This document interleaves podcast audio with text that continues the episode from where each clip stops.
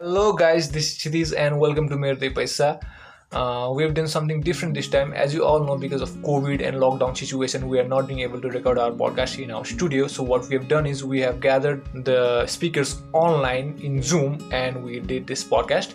Uh, we have Mr. Ashish Adhikari, founder of Redmart Coffee, and Mr. Santosh Pradhan Chaudhary, founder and CEO of Property 360 Nepal, in this podcast. So, the topics that we've covered are relating to the psychology and mentality of people because of this lockdown and corona situation. The kind of problems they are facing we are facing uh, economic crisis financial problems anxiety overthinking uh, as we are confined in our houses. So the speakers have talked about this situation and how to cope with them and overcome them.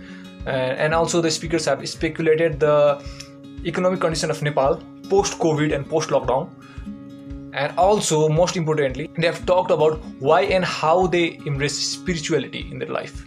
And why is it important? And why we should all do it? And and yeah that's it. It's a fun podcast and uh, i hope you enjoyed. Listen to the full podcast uh, leave down your thoughts and opinions share the podcast subscribe to our channel Merdu Paisa and enjoy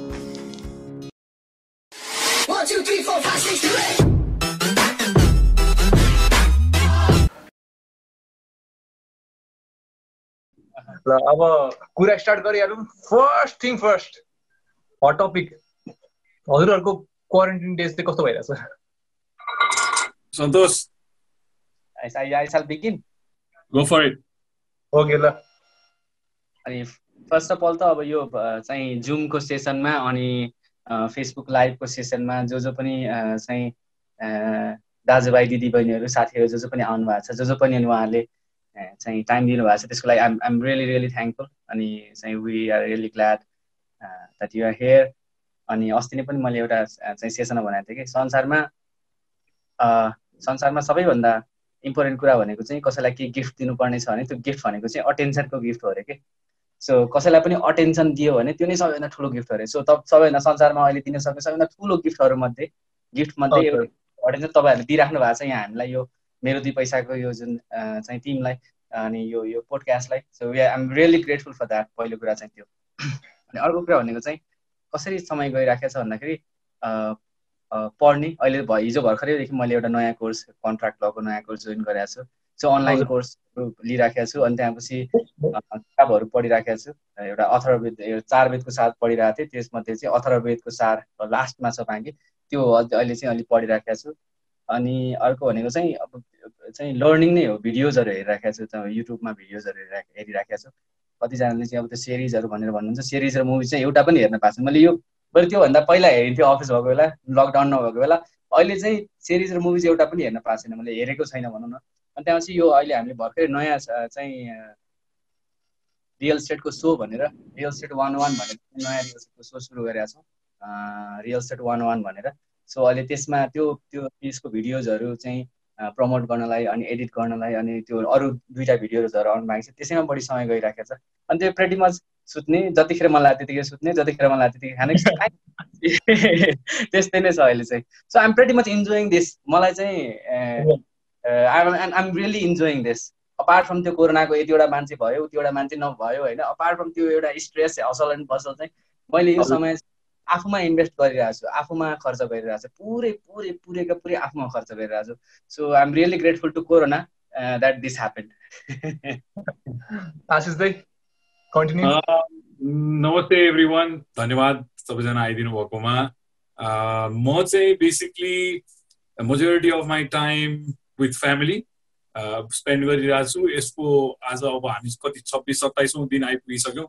सुरुको पाटोमा चाहिँ मैले अलिकति अध्ययनहरू पनि गरेँ एक दुईवटा किताब audio बुक्सहरू सकाएँ सन्तोषले भनेको जस्तै मलाई पनि बरु पहिला सिनेमा डकुमेन्ट्रिज मुभीहरू हेर्न मन लाग्थ्यो अहिले खासै मन लागिरहेको छैन। र मैले धेरै जसो समय चाहिँ आफ्नो बच्चासँग आफ्नो फ्यामिलीसँग नै बिताइरहेको छु। अहिले भर्खर रिसेन्टली अब सानोतिनो घरको चोर्सहरू जस्तो बाथरुम सफा गरिदिए स्मल मा जोइ खोजेर चाहिँ अल्झिरहेको छु रमाइरहेको छु भन्नु त्यसरी नै। Okay okay okay okay so अब म यो कन्भर्सेसन चाहिँ अलिक अगाडि बढाउँछु होइन।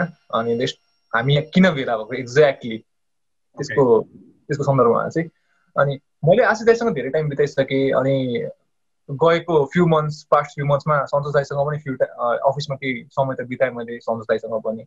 अनि जब आशिष दाई अनि सन्तोष दाई सँगै हुनुहुन्छ नि अनि हजुरको कन्भर्सेसन सुन्दाखेरि क्या एउटा टाइपको कन्भर्सेसन चाहिँ कस्तो हुन्छ भन्दाखेरि you always say that you're striving to do something great for the society के अब यो गर्छु यो इम्प्याक्टफुल गर्छु भन्नुहुन्छ होइन? तर यही कुरा पनि एउटा सानो एउटा एकदम सिग्निफिकेन्ट कुरा भन्नुहुन्छ हजुरहरू दुवैजना यसमा अग्री पनि गर्नुहुन्छ। अनि यो अलवेज से द्याट त्यो एउटा त्यो पोइन्ट त आउँछ लाइफमा तर त्योभन्दा पहिला to sustain our family to sustain our self भन्नुहुन्छ। अनि यु से द्याट एउटा सर्टेन अमाउन्ट अफ मनी कमाएपछि सबैलाई ल मोज गरेर खाऊ बस अब म लाग्छु भनेर भन्नुहुन्छ। अनि यो मेन्टालिटी छ नि। यो मेन्टालिटीले यो मेन्टालिटी हजुरको भनेको पछि गएर सोसाइटीमा केही राम्रो गर्ने भन्ने छैन। तर you're already already involve in some kind of business होइन? भनेपछि हजुरको बिजनेसको मोटिभ चाहिँ के हो त? सर्भाइभल र सस्टेनेबिलिटी मात्रै हो कि बिजनेसको पनि एउटा सर्टेन केही एम्बिसन छ हजुर? सन्तोष ओके थ्याङ्क्स मेरो एउटा पछिल्लो समयमा चाहिँ म लास्ट लास्ट पाँच वर्ष अगाडिको Santosh Pradhan two thousand fifteen अथवा लेट चाहिँ भूकम्प टु थाउजन्ड फोर्टिन फिफ्टिनको सन्तोष प्रधान र अहिलेको सन्तोष प्रधानमा आएको परिवर्तन भनेको भनेको चाहिँ अहिले मैले के बुझ्न थालेँ भनेर भन्दाखेरि there is more to life than myself के जन्मिएपछि एउटा मान्छे भएर जन्मिसकेपछि ह्युमन एउटा यो जुन शरीर शरीर धारण गरिसकेपछि ह्युमन भएर संसारमा आइसकेपछि चाहिँ तिनवटा चाहिँ तिनवटा ऋण हुन्छ अरे कि? प्राइमरीली तिनवटा ऋण हुन्छ अरे। पहिलो ऋण चाहिँ पितृ ऋण हुन्छ अरे। अनि त्यो पितृ ऋण भनेको चाहिँ परिवारको ऋण के? परिवारको ऋण बुवा पितृ भनेको बाबाआमाको ऋण। अनि त्यो बाबाआमाको ऋण आफूले बोकिसकेपछि आफ्नो छोराछोरी अथवा आफ्नो परिवार अनि त्यहाँ त्यो त्यो त्यो एउटा पहिला त्यो ऋण क्लियर गर्नुपर्छ अरे। त्यो ऋण क्लियर भनेको चाहिँ you have to make sure that यो family is stable you have to make sure that यो फ्यामिली इज फिनेन्सियली इन्डिपेन्डेन्ट एउटा प्राइमरीली एउटा बेसिक चिजहरूमा मात्रै अब फिनेन्सियल इन्डिपेन्डेन्स भनेको कति हो भन्ने पनि हुन्छ होइन। कसैको महिना चाहिँ महिनामा पचास हजारले पनि पुग्छ कसैको पच्चिस हजारले पनि पुग्छ कसै कसैको चाहिँ महिनामा पाँच लाखले पनि पुग्दैन। सो एउटा बेसिक स्ट्यान्डर्डको एउटा बेसिक लेभलको चाहिँ एउटा त्यो स्टेबल फाइनेन्सियल स्टेबिलिटी पहिला फ्यामिलीलाई चाहिँ स्टेबल स्टेबल गर्नु पऱ्यो त्यो पितृऋण तिर्नु पऱ्यो पहिला। अनि पितृऋण सक तिरिसकेपछि अनि राष्ट्र ऋण आउँछ अरे कि? अनि त्यो राष्ट्र ऋण भनेको चाहिँ देशको ऋण के?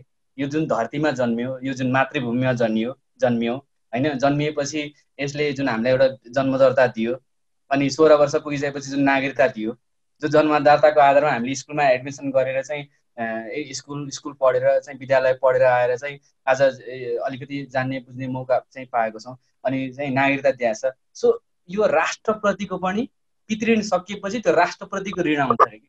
पितृऋण पछि राष्ट्र ऋण। अन्त राष्ट्र ऋण भने चाहिँ समाजको लागि के गर्ने? राष्ट्रको लागि के गर्ने? कसैले चाहिँ समाज सेवाबाट गर्छन् होइन? कसैले अभियानबाट गर्छन् कसैले राजनीतिमै छिरेर गर्छन् होइन? अनि त्यो राष्ट्र ऋण सकिएपछि पनि हुन त जिन्दगी बर्बाद हुन्छ अनि अर्को ऋण भनेको चाहिँ अस्तित्वको ऋण हुन्छ अरे। राष्ट्र त एक लाख सडचालिस नेपाल भन्ने भयो एक लाख सडचालिस हजार एक सय एकासी वर्ग किलोमिटरकोमा भयो। तर चाहिँ अस्तित्वको ऋण भनेको चाहिँ पुरा पृथ्वीकै के? पुरा पृथ्वीकै भनेको चाहिँ यो पृथ्वी आज आज म जे जस्तो मेरो बडी मैले जुन धारण गरेको छु मैले जन्मियो दुई किलो त जन्मियो हो नि। अझ त्योभन्दा नौ महिना अगाडि त म एउटा स्पम त हो नि। भन्न खोजेको मतलब जाइगट त हो नि। मतलब के भन्दाखेरि आज मैले जुन बडी धारण गरिरहेको छु र यो जुन एक्सपिरियन्स गरिरहेको छु यो एक्सपिरियन्स भनेको एकदमै ठुलो हात छ त्यसमा भनेको मतलब मैले चामल खाएको पिठो खाएको गहुँ खाएको होइन धान खाएको अथवा सब्जी खाएको त्यही भएर मैले मैले भन्नु खोजेको चाहिँ यो अस्तित्वकै ऋण छ कि? अनि हावाको ऋण छ पानीको ऋण छ त्यो सबै एकअर्कामा जोडिएको छ त्यो अस्तित्वको ऋण भनेको चाहिँ I have to make sure that I love this and I I I have to make sure that यो मैले सुरुमा धरतीमा चाहिँ शरीर धारण गर्दाखेरि जस्तो स्वरूपमा थियो त्यो स्वरूपभन्दा बेटर स्वरूपमा छाडेर जान पाउन सकियोस् अर्को अर्को जेनेरेसनलाई भन्ने चाहिँ अर्को ऋण हो कि? सो पहिला घरको ऋण राष्ट्रको ऋण अनि त्यहाँपछि प्रकृतिको ऋण अस्तित्वको ऋण यो सबै सकाएपछि चाहिँ अनि मान्छे धरतीमा आएको एउटा चाहिँ धरतीमा आएको एउटा के भने सार्थक स्वरूप चाहिँ हासिल गर्छ मान्छेले भने जस्तो द्याट्स हाउ आई थिङ्क अनि यसमा हजुरको बिजनेसको कुनै एम्बिसन आउँदैन त? यो बिजनेसलाई एउटा सर्टेन लेभलमा पुऱ्याउँछु भन्ने ओहो आउँछ नआउने होइन। चाहिँ बिजनेसको पनि एम्बिसन हुन्छ। त पहिला चाहिँ बिजनेसको मात्रै एम्बिसन हुन्थ्यो कि अहिले चाहिँ मैले के बुझेँ भनेर भन्दाखेरि चाहिँ बिजनेस चाहिँ गरेर धेरै धेरै चाहिँ चाहिँ बिलियन डलर बनाएर अथवा मिलियन डलर बनाएर अथवा बिजनेस नै प्राइमरी हो भनेर सबै त्यसमा लागिराखेन आखिर मैले लिएर आएको केही पनि होइन छोडेर सबै छोडेर जानुपर्छ भनेर भन्दाखेरि यहाँ एक्सपिरियन्स मात्रै गर्न आएको कि हामीले। अहिले मैले बुझेको कुरा के भनेर भन्दाखेरि चाहिँ यो म म मेरो परिवार मेरो साथीभाइ मेरो वरिपरि मेरो देश अनि सम्पूर्ण अस्तित्व खुसी हुनुपर्ने रहेछ ह्याप्पी हुनुपर्ने रहेछ जोयफुल हुनुपर्ने रहेछ। प्राइमरी कुरा चाहिँ त्यो रहेछ कि? प्राइमरी कुरा त्यो रहेछ। तर बिजनेसको जुन एम्बिसन सक्सेस हासिल नगर्नुपर्ने भन्ने खोजेको होइन मैले। गर्नुपर्छ। तर ब्यालेन्समा राखेर गर्नुपर्छ। ब्यालेन्समा राखेर गर्नुपर्छ भनेर भनेको चाहिँ हाम्रो बिजनेस सक्सेस भएर पनि होइन मिलियन्स अफ डलर भए पनि there are so many people so many families who are unhappy कि there are so many people who are unhappy who are not joyful who are in stress होइन? त्योभन्दा पनि more important कुरा चाहिँ के रहेछ भन्दाखेरि अहिले म मैले बुझेको कुरा चाहिँ राजनीति व्यापार भन्ने राजनीति भन्ने यो त साधन मात्रै रहेछ कि? साध्य भनेको त खुसी हुनु रहेछ खुसी बाँड्नु रहेछ। होइन? जोयफुल हुनुपर्ने रहेछ आनन्दित हुनुपर्ने रहेछ साध्य भनेको मोक्ष प्राप्त गर्नुपर्छ। भन् मोक्ष भनेको चाहिँ जीवन र जगत सबै बुझिसके ज्ञान हासिल गरिसकेपछि त्यो ज्ञान सबैलाई बाँड्नुपर्ने रहेछ। सबैभन्दा ठुलो साध्य भनेको चाहिँ त्यो रहेछ। खुसी हुनु चाहिँ अल्टिमेट अब्जेक्टिभ चाहिँ त्यो रहेछ कि लाइफको अल्टिमेट अब्जेक्टिभ चाहिँ त्यो लाइफको भइसकेपछि अनि कम्पनी भने होइन? कम्पनीमा सक्सेस भने यो भने चाहिँ साधन मात्रै हो कि? It's just the tools so जहिले पनि साध्य इम्पोर्टेन्ट हुन्छ। साधन चाहिँ टुल मात्रै भयो। कम्पनीमा इट्स लाइक हासिल गर्ने गर्ने राम्रो गर्ने चाहिँ सक्सेसफुल हुने। तर we have to always make sure and and एउटा थिङ्किङमा के क्लियर माइन्डसेटमा के राख्नु पऱ्यो भनेर भन्दा मैले बुझेको अहिले माइन्डसेटमा के क्लियर राख्नु पऱ्यो भन्दाखेरि म र मेरो परिवार होइन जुन सफलता हासिल भइराखेको छ जुन पैसा हासिल भइराखेको छ जुन जुन चाहिँ एक किसिमको क्रेडिबिलिटी बनिरहेको छ त्यसले are we happy or we are not primary कुरा चाहिँ त्यो रहेछ। सो साध्य प्रमुख कुरा हो साधन चाहिँ छान्न सकिन्छ भन्ने कुरा। So I think I I I give a kind of Ashish दाई हजुरको मेरो दुई पैसा यसमा। मेरो दुई पैसा मैले पनि एक्ज्याक्टली मैले यहाँ लेखेको नै अगाडि दुई चारवटा कुराहरू लेखिहालेँ दिमागमा आएको र मैले पनि त्यही भनेको थिएँ कि मिन्स र गोल्स लेखेको थिएँ मैले। सन्तोषले अलिकति यो आध्यात्मिक रूपले भन्यो। मैले चाहिँ एउटा ओभरअल एउटा टाइम समय बिताइसकेपछि चाहिँ खालि आफ्नो लागि मात्रै गरौँ जस्तो चाहिँ फिलिङ हट्दो रहेछ।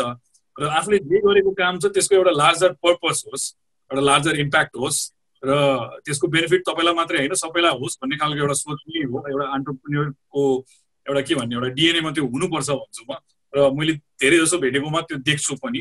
सो त्यो कम्पनी त्यो एम्बिसन त्यो गोल्स यो सबै चिजहरूको एउटा cumulation at the end of the day सबसे फारेस्ट लङ टर्म गोल चाहिँ एउटा सन्तोषी भने जस्तै ह्याप्पी हुनु र आफ्नो एउटा एउटा एउटा आफ्नो कामको एउटा परिचय एउटा छाप दिनु नै हो। चाहे त्यो कुनै पनि मेथडबाट होस् त्यो कम्पनीबाट होस् या कुनै एउटा सोसल अर्गनाइजेसन चलाएर होस् कसैले स्कुल चलाएर होस् हस्पिटल चलाएर होस् भनेको आफ्नो त्यो बिगर पर्पजसँग कनेक्ट गर्ने मिन्स मात्रै हो बिजनेस त्यहाँबाट मैले सुरु गरेँ होइन। र अर्को एउटा कस्तो भने when we look at history and when we read हाम्रो साहित्य पढ्यौँ भने पनि के भन्नुभएको थियो हाम्रो महाकविले? हातको मैला हो पैसा भनेको। त्यो कुरा बुझेँ। एउटा उमेर आइसकेपछि चाहिँ त्यो त्यो भन्ने चिज चाहिँ तपाईँसँग आइरहन्छ गइरहन्छ as long as you're active तपाईँको कर्म अन छ। तपाईँ नन स्टप काम गरिरहनु भएको छ र एफर्ट लगाइरहनु भएको छ भने त्यो पनि एउटा खोलाको बेग जस्तै हो। कुनै समय अलिकति सुक्छ होइन? रुखा सुखा मौसममा सुक्ला बर्खामा आउँछ।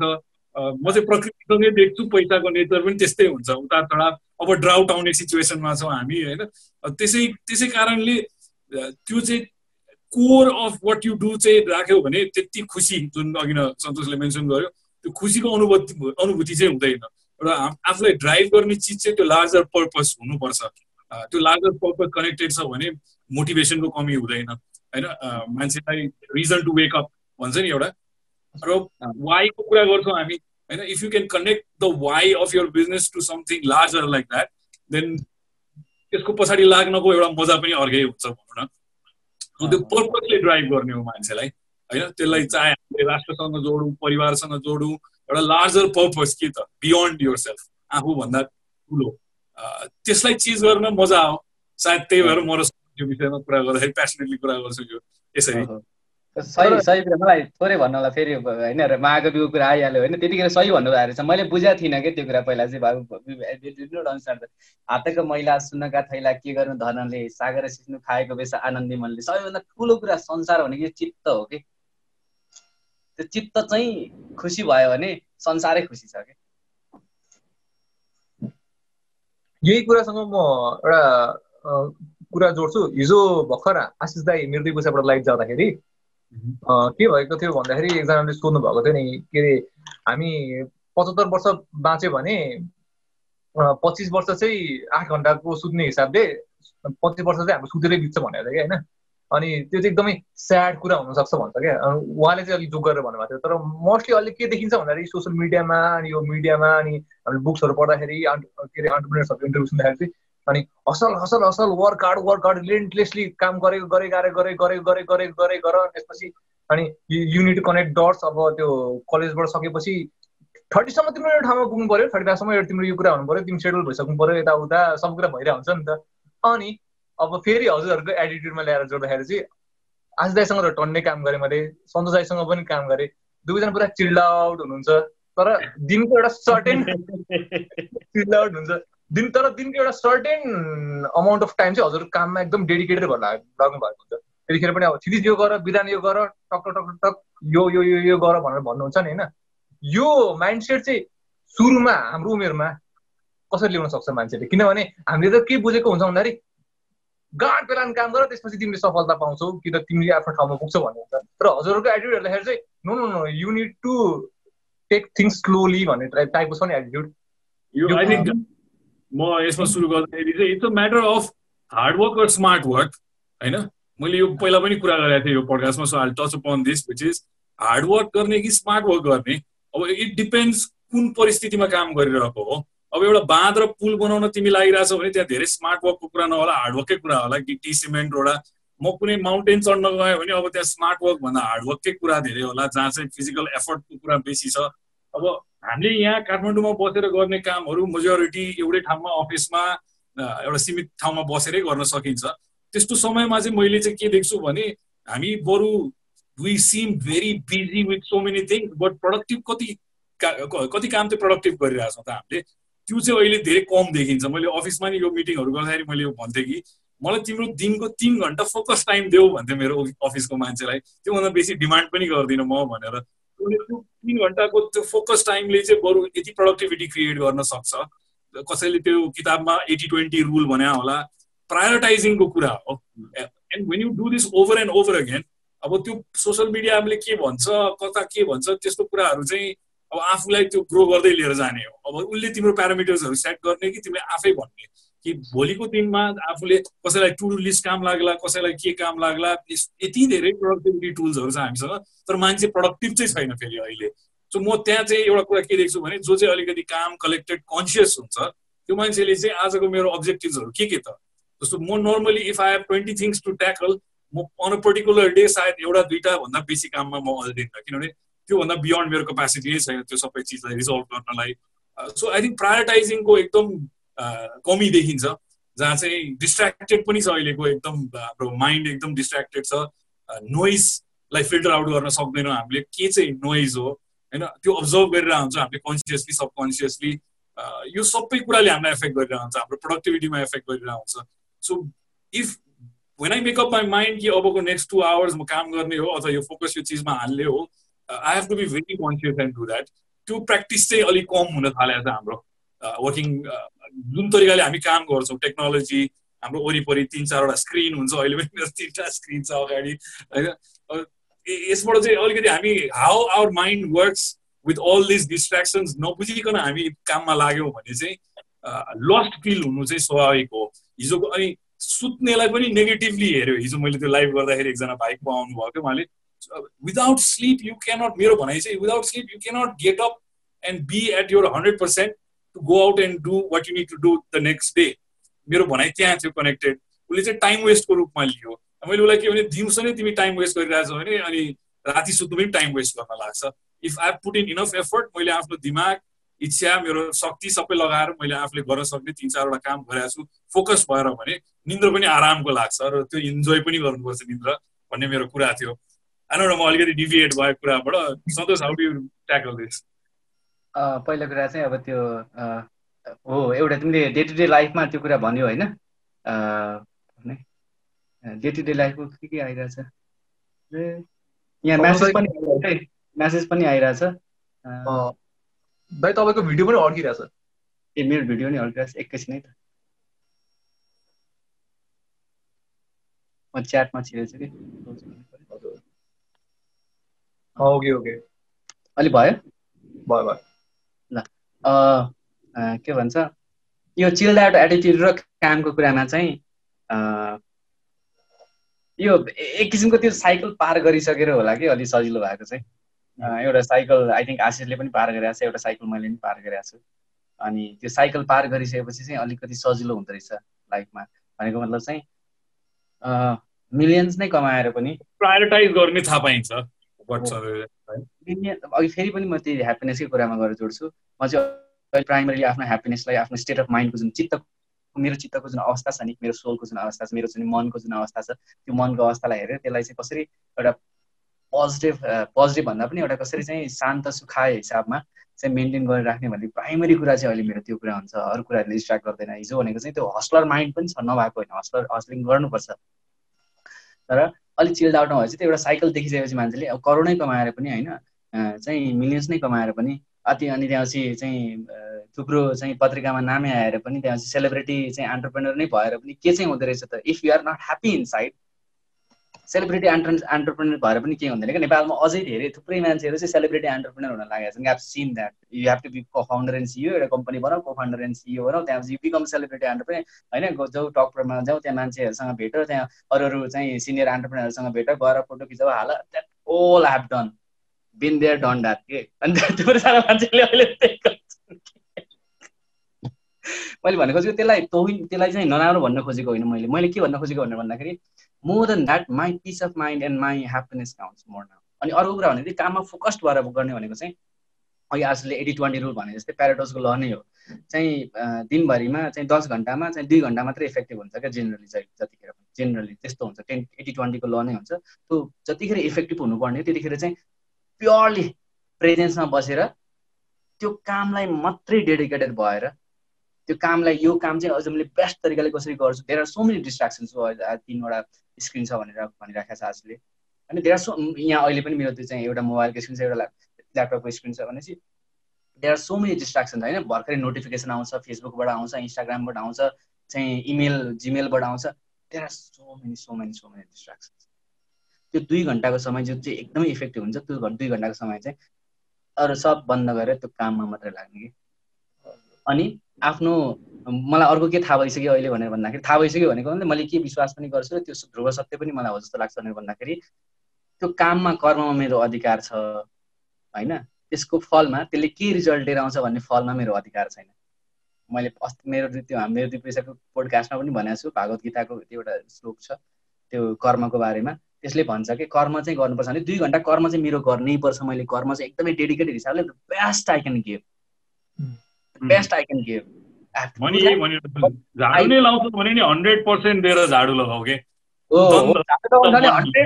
सही कुरा सही कुरा। I I believe in I अघि हन्ड्रेड पर्सेन्ट दिने। तर त्योभन्दा बाहेक चिल्ड आउट बस्ने कि त्योभन्दा बाहेक स्ट्रेस लिएर काम छैन। रिजल्टमा मेरो हात छैन भनेर भनेपछि रिजल्टमा मेरो चाहिँ चाहिँ ऊ छैन भनेर भनेपछि रिजल्टमा मेरो चाहिँ कन्ट्रोल छैन भनेर भनेपछि I think I should not be bothered on that side त्यसले मलाई खुसी धेरै खुसी पनि धेरै दुःख पनि दिनु भएन। क्वेसन्सहरू पनि आइरहेको छ दिनु दाइ विधानले हेरिरहेको छ क्वेसन्सहरू चाहिँ उसले अलि हामीलाई भनिदिन्छ सबै कुराहरू।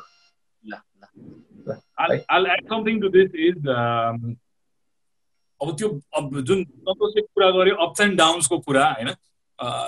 When you gone through trials and tribulation so many time होइन त्यो बारम्बार भइसक्दाखेरि चाहिँ जुन सन्तोषले एक्ज्याक्टली भनेको पोइन्टमा कि त्यो कन्सिक्वेन्सको कुरासँग अट्याचै हुँदैन कि? के परिणाम लिएर आउँछ यसले एउटा आफूलाई इन्टुएसन एउटा हन्स त डेफिनेटली हुन्छ। मैले गर्न खोजेको कामले कस्तो खालको परिणाम लिएर आउँछ अथवा सायद त्यो पोजिटिभली नै फिल भएपछि हामी त्यता अट्र्याक्टेड भएर त्यो कामतिर लाग्छौँ। सो त्यो त्यो माइन्डसेट आइसकेपछि कन्सिक्वेन्सेसको कुरा सोच्न चाहिँ over time you learn this के? कि त्यो सोचेर के कामै छैन। कि आफूले गर्न सक्ने भनेको at that point hundred percent अथवा त्यो समयमा त्यो कालखण्डमा त्यो पिरियडमा तपाईँले कुनै प्रोजेक्टमा आफ्नो हन्ड्रेड पर्सेन्ट डेडिकेसन दिने हो।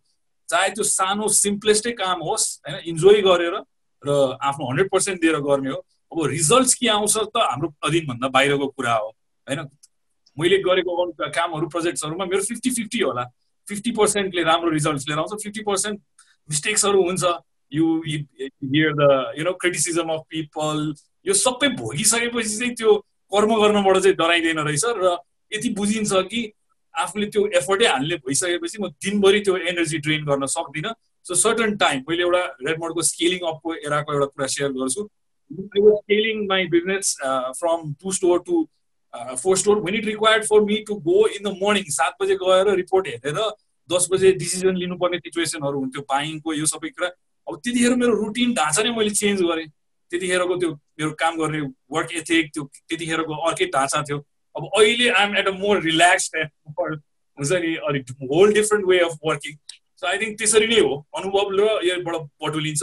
हस्लिङलाई रोक्न हुन्न होइन? किनभने हसल भनेको at the end of the day त्यो अङ्ग्रेजी भाषामा होला नेपालीमा भन्दा कर्म हो। कर्म गरिरहने हो। कर्म गरिरहने रिजल्ट के आउँछ कस्तो खालको परिणाम आउँछ त्यो सबै हाम्रो कन्ट्रोलमा हुँदैन। द्याट्स वाइ किन टेन्सन लिने चिल्ड आउटै हुने हो त्यही भएर हजुरहरूको कुराहरू सुन्दाखेरि चाहिँ यो चिल्ड आउट एटिट्युड चाहिँ एक्सपिरियन्सबाट मात्रै आउँछ जस्तो लागिरहेको छ किनभने सबैजना रेस्टलेस नै हुन्छ यङमा चाहिँ युथमा चाहिँ when you when you realize that taking that anxiety and taking that stress is not doing anything it's not adding any good value to what you're doing it, it, it even worse so why even give it any energy किन दिने त्यो चिजलाई energy move on मलाई पनि बदल गर्छ म केही अरू चिज गर्न चाहन्छु कम्प्लिटली डिफ्रेन्ट सिनेरियोमा गइदिन्छु कहिले trekking गइदिन्छु when I feel that I I cannot stay in this environment and it's making me feel very negative I completely avoid that situation किनभने त्यसले पोजिटिभ केही राम्रो त गर्दै गर्दैन त्यो ओभर थिङ्किङ ओभर एनालाइटिकल माइन्डले चाहिँ। सो तर यसमा म के सकाइदिने ओके ओके यो अब अहिले हाम्रो हामी लकडाउनकै सिचुएसनमा जाउँ है। हुन्छ। ओके यो लकडाउनले चाहिँ हाम्रो यो मासमा एकदम म्यासिभ प्यानिक अनि एङ्जाइटीहरू क्रिएट गरिरहेको छ क्या अनि सबै मान्छेहरू आफ्नो हाउसेसमा कन्फाइन्ड भएको छन् होइन? अनि सबैजना फाइनेन्सियल प्रेसर छ किनकि कुनै कतिजनाको यो मन्थको के अरे इन्कम आइरहेको छैन अब नेक्स्ट मन्थ के गर्ने भन्ने हुन्छ सबैजनाको बिजनेस डामाडोल छ। अब अहिले त सेभिङ्सले कति दिनसम्म पुग्छ भन्ने छ कति कतिजनालाई कतिजनासँग सेभिङ्स नै छैन। कतिजनाले त बिहान काम गरेर रातिको भात किन्नुपर्ने यस्तो अवस्था हुन्छ नि त है? अब यस्तो अवस्थामा यो मेन्टल स्टेट जुन यो सिभिकको छ यस्तो अवस्थामा लिडर्सहरू चाहिँ कस्तो रोल खेल्न सक्छन्? अब लिडर्स भन्नाले म चाहिँ नेसनल लिडर्स मात्रै पनि भन्न खोज्दैन। हजुरहरू दुवैजना बिजनेस लिडर्स हो। अब हजुरहरूको पनि आफ्नो टिमको आफ्नो इम्प्लोइजहरूलाई किनकि सबैजनाको अर्निङ क्यापेसिटी हजुरहरू जतिको त छैन। सबैजना किनकि त होला अब हजुरहरूले आफ्नो टिमलाई चाहिँ यस्तो समय समयमा कसरी हेर्नुहुन्छ? अनि त्यसलाई नै स्केल अप गर्दाखेरि नेसनल लिडर्सहरूले चाहिँ अहिले कस्तो रोल खेल्नुपर्छ त? म स्टार्ट गर्दै मेजोरिटी रोल्स अथवा लिडरले गर्नुपर्ने कर्तव्य अगाडि आउने नै टाइम भनेकै क्राइसिसको टाइममा हो। When things are going smooth most likely you don't need a lot of leadership होइन? The status quo will remain as is and things will move on यस्तै समयमै लिडरसिपको रोल अगाडि आउँछ जस्तो लाग्छ। अब अहिलेको परिस्थितिमा चाहिँ म कसरी हेर्छु भने अर्थक्वेकसँग म दाजिरा हुन्छु। अर्थक्वेकको समयमा म चार दिन आफ्नो घर परिवारलाई एउटा सुरक्षित ठाउँ पुऱ्याइसकेपछि चाहिँ पाँचौँ दिनमा म फिल्डमा उत्रिसकेको थिएँ। म साथीभाइहरू बटुल्ने क्रममा म अगाडि बढिसकेको थिएँ। र फिजिकली त्यतिखेर यो कम्युटको यो सबै कुराहरू चाहिँ लकडाउनको अहिले स्थितिभन्दा धेरै फरक भएको कारणले एटलिस्ट यातायात जुटाउन गाह्रो थियो होला तर हामी कम्युट गरिरहेको थियौँ आफ्नै प्राइभेट भेहिकल्समा भए पनि। सो त्यतिखेर चाहिँ इमिडिएटली इन्टु एक्सन आइरहेको थियो। मैले त्यो क्राइसिसको सिचुएसनमा चाहिँ हामीले रिलिफ फन्ड्सहरू क्रिएट गरेर रिलिफ बाँड्ने कामहरू गऱ्यौँ। कतिलाई थाहा पनि होला यो समयको हामीले त्यतिखेर गरेको कामको टु थाउजन्ड फिफ्टिनमा तर this time it has been a bit difficult difficult and different because घरबाट मै पनि यो गएको पच्चिस छब्बिस दिनमा दुईचोटि औषधि पसलसम्म गएँ म। त्यो बाहेक म निक्लिनै पाएको छैन। र अन्यल छ। यताबाट एउटा कुरा आइरहेछ अर्कोबाट अर्को कुरा आइरहेछ। सो जुन किसिमको एक्सन लिन चाहिरहेछ हामीले तर त्यो लिने वातावरण भइरहेको छैन होइन? र एट दिस पोइन्ट मैले आफूले चाहिँ पर्सनली चाहिँ what can I do from doing you know just have being where I am right now which is म मेरो कोठामै बसेर यहाँ मेरो सानो होम अफिस जस्तो सेटअप छ। यहीँ बसेर मैले के गर्न सक्छु त भन्दाखेरि यस्तै चिजहरू मैले डे टू डे थ्रीदेखि नै स्टार्ट गरेको थिएँ। Second part of the question employees होइन?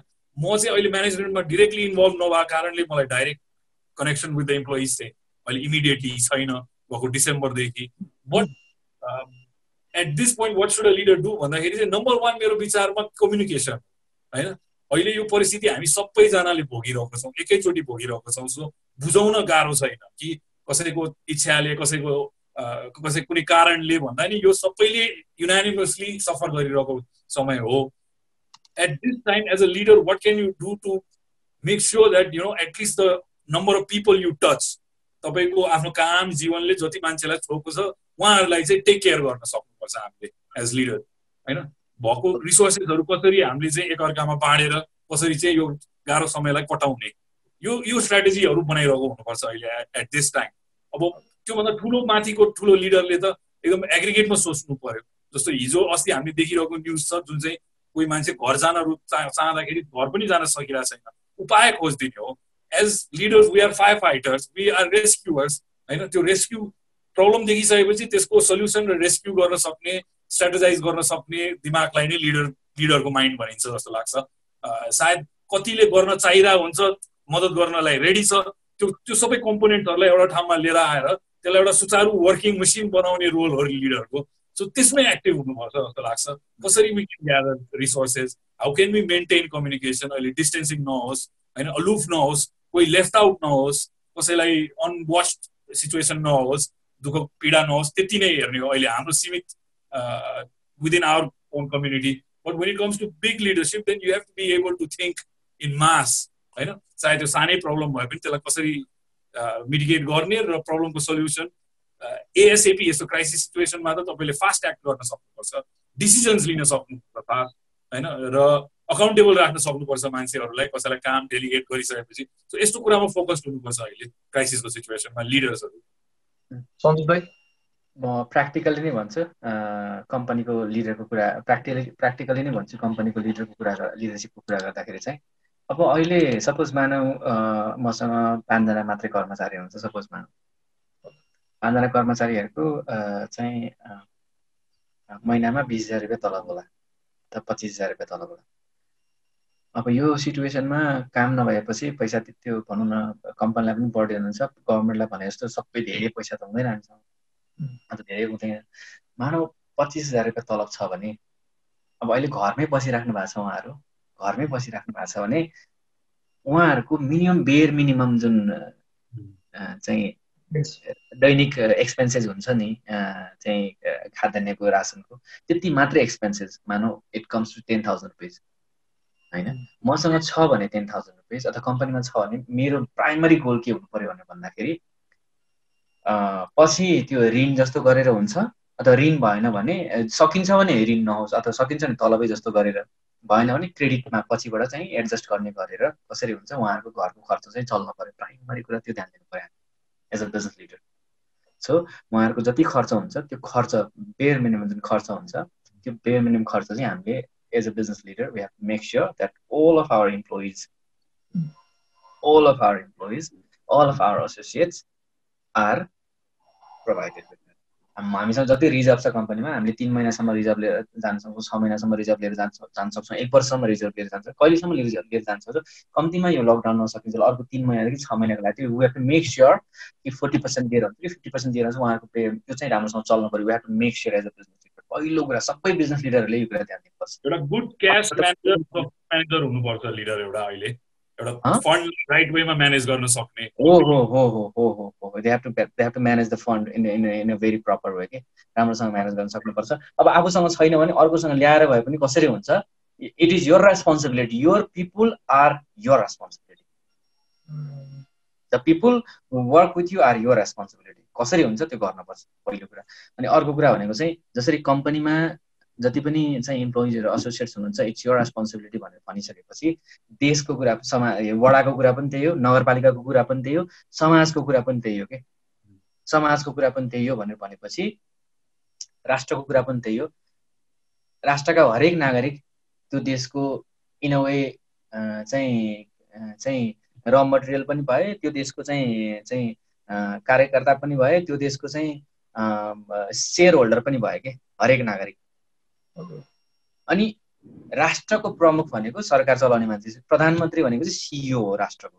प्रमुख कार्यकारी अधिकृत हो। प्रधानमन्त्री त्यही भएर भने सो प्रधानमन्त्री have to make sure it is प्रधानमन्त्री prime minister's responsibility and prime मिनिस्टरकै सबै गएर हरेक घरमा जानुपर्छ भन्यो भने त्यो पोसिबल पनि छैन। तर प्राइम मिनिस्टरले सबै एउटा पोलिसी बिल्ड गर्नुपर्छ जुन पोलिसीले चाहिँ हरेक घरमा ठुलो बोलोस्। जुन पोलिसीले चाहिँ हरेक चाहिँ नागरिकको घरमा चाहिँ नागरिकले चाहिँ जुन अहिले जुन अवस्था देखिराखेको छ नि होइन यो बाटोमा भएको यो देखेर त चाहिँ एक किसिमको यस्तो फ्रस्ट्रेसन यस्तो रुन मन लागिरहेको भने त्यो रुन भन्ने कि एङ्गर पनि फ्रस्ट्रेसन पनि स्याडनेस पनि सबै के?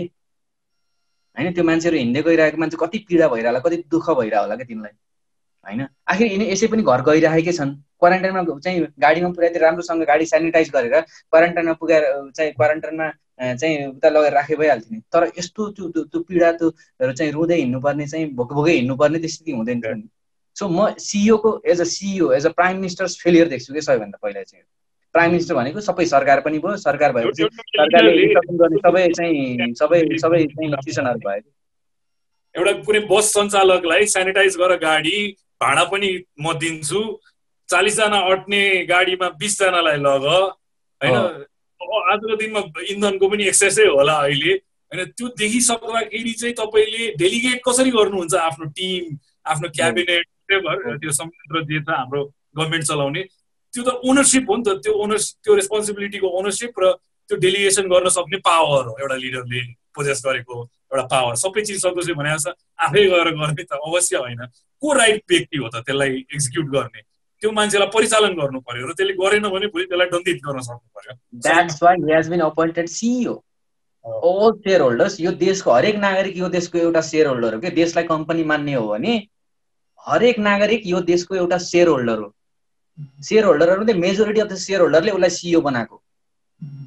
त्यो सिइओको रेस्पोन्सिबिलिटी हो यो हरेक उसको सेयर होल्डरलाई हरेक उसको कर्मचारीहरूलाई राम्रोसँग उसले ट्रिट गर्नुपर्छ र राम्रोसँग उसले सकेसम्म राम्रोसँग व्यवस्थापन गर्नुपर्छ। त्यो उसको रेस्पोन्सिबिलिटी हो। जुन रेस्पोन्सिबिलिटीमा आजको सरकार चाहिँ हेर्दाखेरि होइन पब्लिकली मिडिया मैले आफैले प्रत्यक्ष दिएँ तर मिडियामा सोसियल मिडियामा चाहिँ मिडियामा प्राइमरी मिडियामा देखिन्छ त्यो हेर्दाखेरि दे हेभ फेल्ड मिजरेबल्ली भन्ने कन्फर्म छ अहिले गभर्मेन्ट गभर्मेन्ट कति डिस्फङ्सनल छ भन्ने त्यो नाङ्गिएको छ एकदमै। हो हो हो हो। सो त्यो कारणले गर्दाखेरि चाहिँ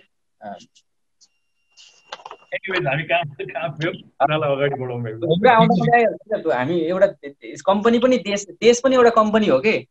देश पनि एउटा कम्पनी हो। देशको पनि आम्दानी हुन्छ खर्च हुन्छ कि? अनि देशको चलाउनलाई पनि चाहिँ कर्मचारीहरू हायर गरेको हुन्छ कि? यो सबै मन्त्री प्रधानमन्त्री यो सबै कर्मचारी हायर गरेको त नि। हो। अनि कर्मचारीले राम्रो कर्मचारी हायर गरे हामीले कर्मचारी कम्पनीमा हायर गऱ्यौँ त्यो कर्म त्यो कर्मचारीले राम्रोसँग काम गरेर भने फायर गर्छौँ होइन? हो। तर यहाँ त्यस्तो खालको स्थिति बनाएको छैन। समय आउँदैछ भन्ने चाहिँ लागेको छ। होइन त्यो पावर हामीसँग छ त्यो फायर गर्ने पावर हामीसँग छ भनेर बनै गरिसकेको छैन नेपाली जनताले। बुझिसकेकै छैन। हो हो हो हो। टु के भन्छ यो चाहिँ बिस्तारै हामीले मान्छेहरूलाई चाहिँ उ गर्न सक्यौँ। मान्छेहरूलाई चाहिँ बिस्तारै एजुकेट गर्न सक्यौँ यो कुरामा चाहिँ। जानकारी दिन सक्यौँ। हुँदाखेरि चाहिँ एउटा लिडरको अर्को एउटा रोल पनि हुन्छ भन्छु म। आज हामीले यो काम पुरा गरिरहेछौँ भने चाहिँ यो कुरा मलाई जोड्न के मन लाग्यो भने अहिले मैले के बुझ्छु भने यो स्थितिमा चाहिँ चेतना पनि चेतनाको स्तरलाई पनि माथि उचाल्न सक्नु पर्यो हामीले। अहिले हामी हाम्रो फङ्सन हाम्रो स्टेट हाम्रो हाम्रो संयन्त्रहरू कुन सुस्त तरिकाले चलिरहेछ त हामी देखिरहेछौँ। सो अब फेरि फर्केर मैले त्यही भन्छु अर्को टाइममा सिकाएको लेसन हामीले एकदम छिटो बिर्स्यौँ। अब यो कोभिडले सिकाएको लेसन पनि हामी के पाँच छ महिनापछि फेरि बिर्सेर नर्मल दाल भात तरकारीमै पुग्ने हो भने त यसले केही पनि सिकाएर गएन हामीलाई। सो एज अ लिडर चेतनाको स्तर पनि बढाउनु पर्यो हामीले इन्डिभिजुअल लेभलमा चाहे हाम्रो अर्गनाइजेसन होस् हाम्रो कम्युनिटी होस् हामीले मेरो दुई पैसाबाट अहिले यो गर्न खोजेको नि त्यही हो। रेगुलरली गरौँ सो द्याट मान्छेको कन्सियसनेस अलिकति माथि जाओस् होइन? हामीले आफूले चुज गरेर पठाएको लिडर्सहरूलाई जो आए जो होस् त्यो कम्पनीको सिओ होस् या देशको प्रधानमन्त्री उसलाई अकाउन्टेबल बनाउन सकौँ। हामीसँग छ त्यो पावर ओके अब यो अहिलेको सिचुएसनमा सेल्फ सस्टेनेन्सको पनि कुरा आएको छ नि है दाइ। जस्तो अब भनौँ न यस्तो टाइममा हाम्रो राष्ट्रले केही इम्पोर्ट पनि गर्न सक्दैन अनि हाम्रो खाद्य वस्तुहरू पनि म्याक्सिमम् चाहिँ इम्पोर्टै भएर आउँछ नि त। जब कि नेपाल एकदम एग्रिकल्चरल कन्ट्री हो है। अनि हामीले सान्दै पढ्दै आएको एग्रिकल्चर कन्ट्री हो नेपाल भनेर।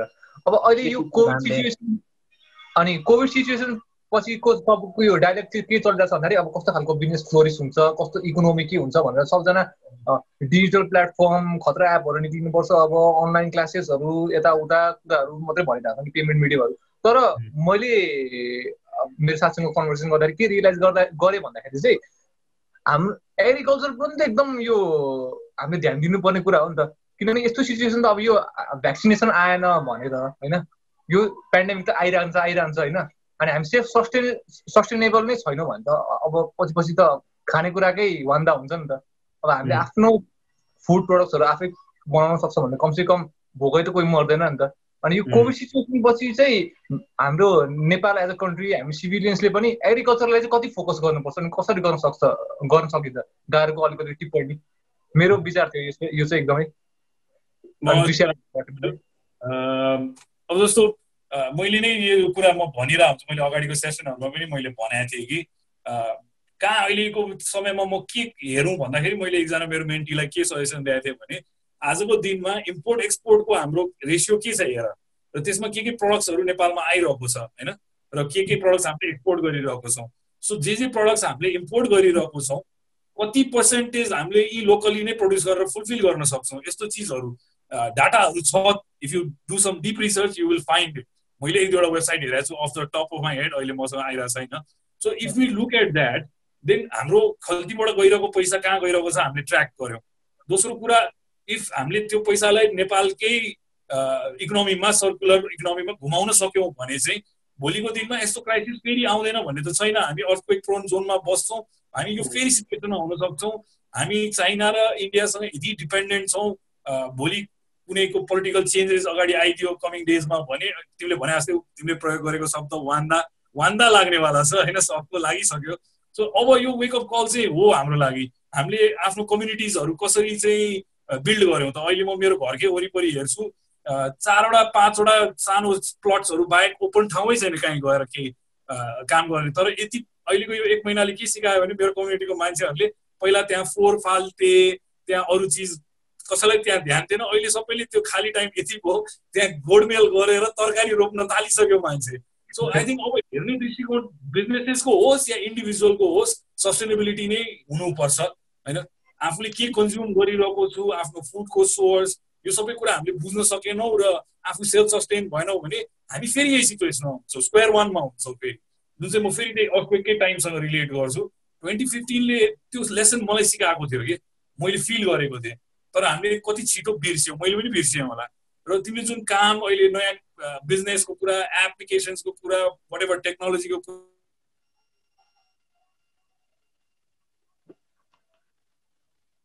दाईको अड्क्यो कि म अड्क्यो आशिषको अड्क्यो आशिष आशिष सुनिएन आवाज आइरहेको छैन। आशिष दाईको अड्के जस्तो छ। सन्तोष दाई कन्टिन्यू गर्नु।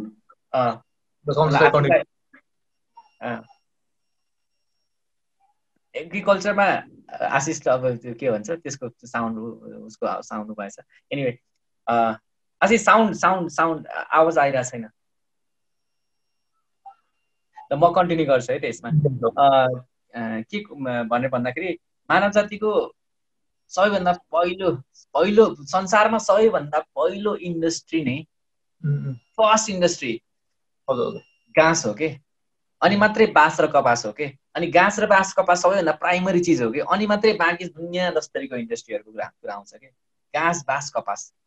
घाँस र बाँस र कपास। यो घाँस बाँस कपासमा पनि सबैभन्दा पहिलो कुरा चाहिँ घाँस हो कि? And it was it is agriculture के? From the beginning of the time from the beginning of the history of the time होइन? अनि हामीले चाहिँ नेपाल कृषि प्रधान देश पनि भनेर भन्यौँ अनि यो सबै कुरा चाहिँ बिर्सिँदै पनि आयौँ कि। बरु मान्छे यो घर भएन भने मान्छे गुफामा गएर बस्छ कि? कतर बाँच्न त बाँच्छ। बाँस भएन भने। अनि कपास भनेको चाहिँ लगाउने होइन मोडर्न खालको लगाउने कपडा भएन भने हिजो त चाहिँ बाँसको के भन्छ चाहिँ रुखको पत्ता बेरेर पनि हाम्रो पुर्खाहरू चाहिँ इभोल्युसनको त स्टोरी पनि त छ नि त। हो। मैले भन्न खोजेको चाहिँ। Agriculture is the primary thing primary industry primary sector that sustains humanity अनि हामी बिचमा धेरै यताउता यताउता उता उता धेरैतिर लाग्यौँ होइन? अब फेरि हामी एग्रिकल्चरमै फर्किनुपर्छ।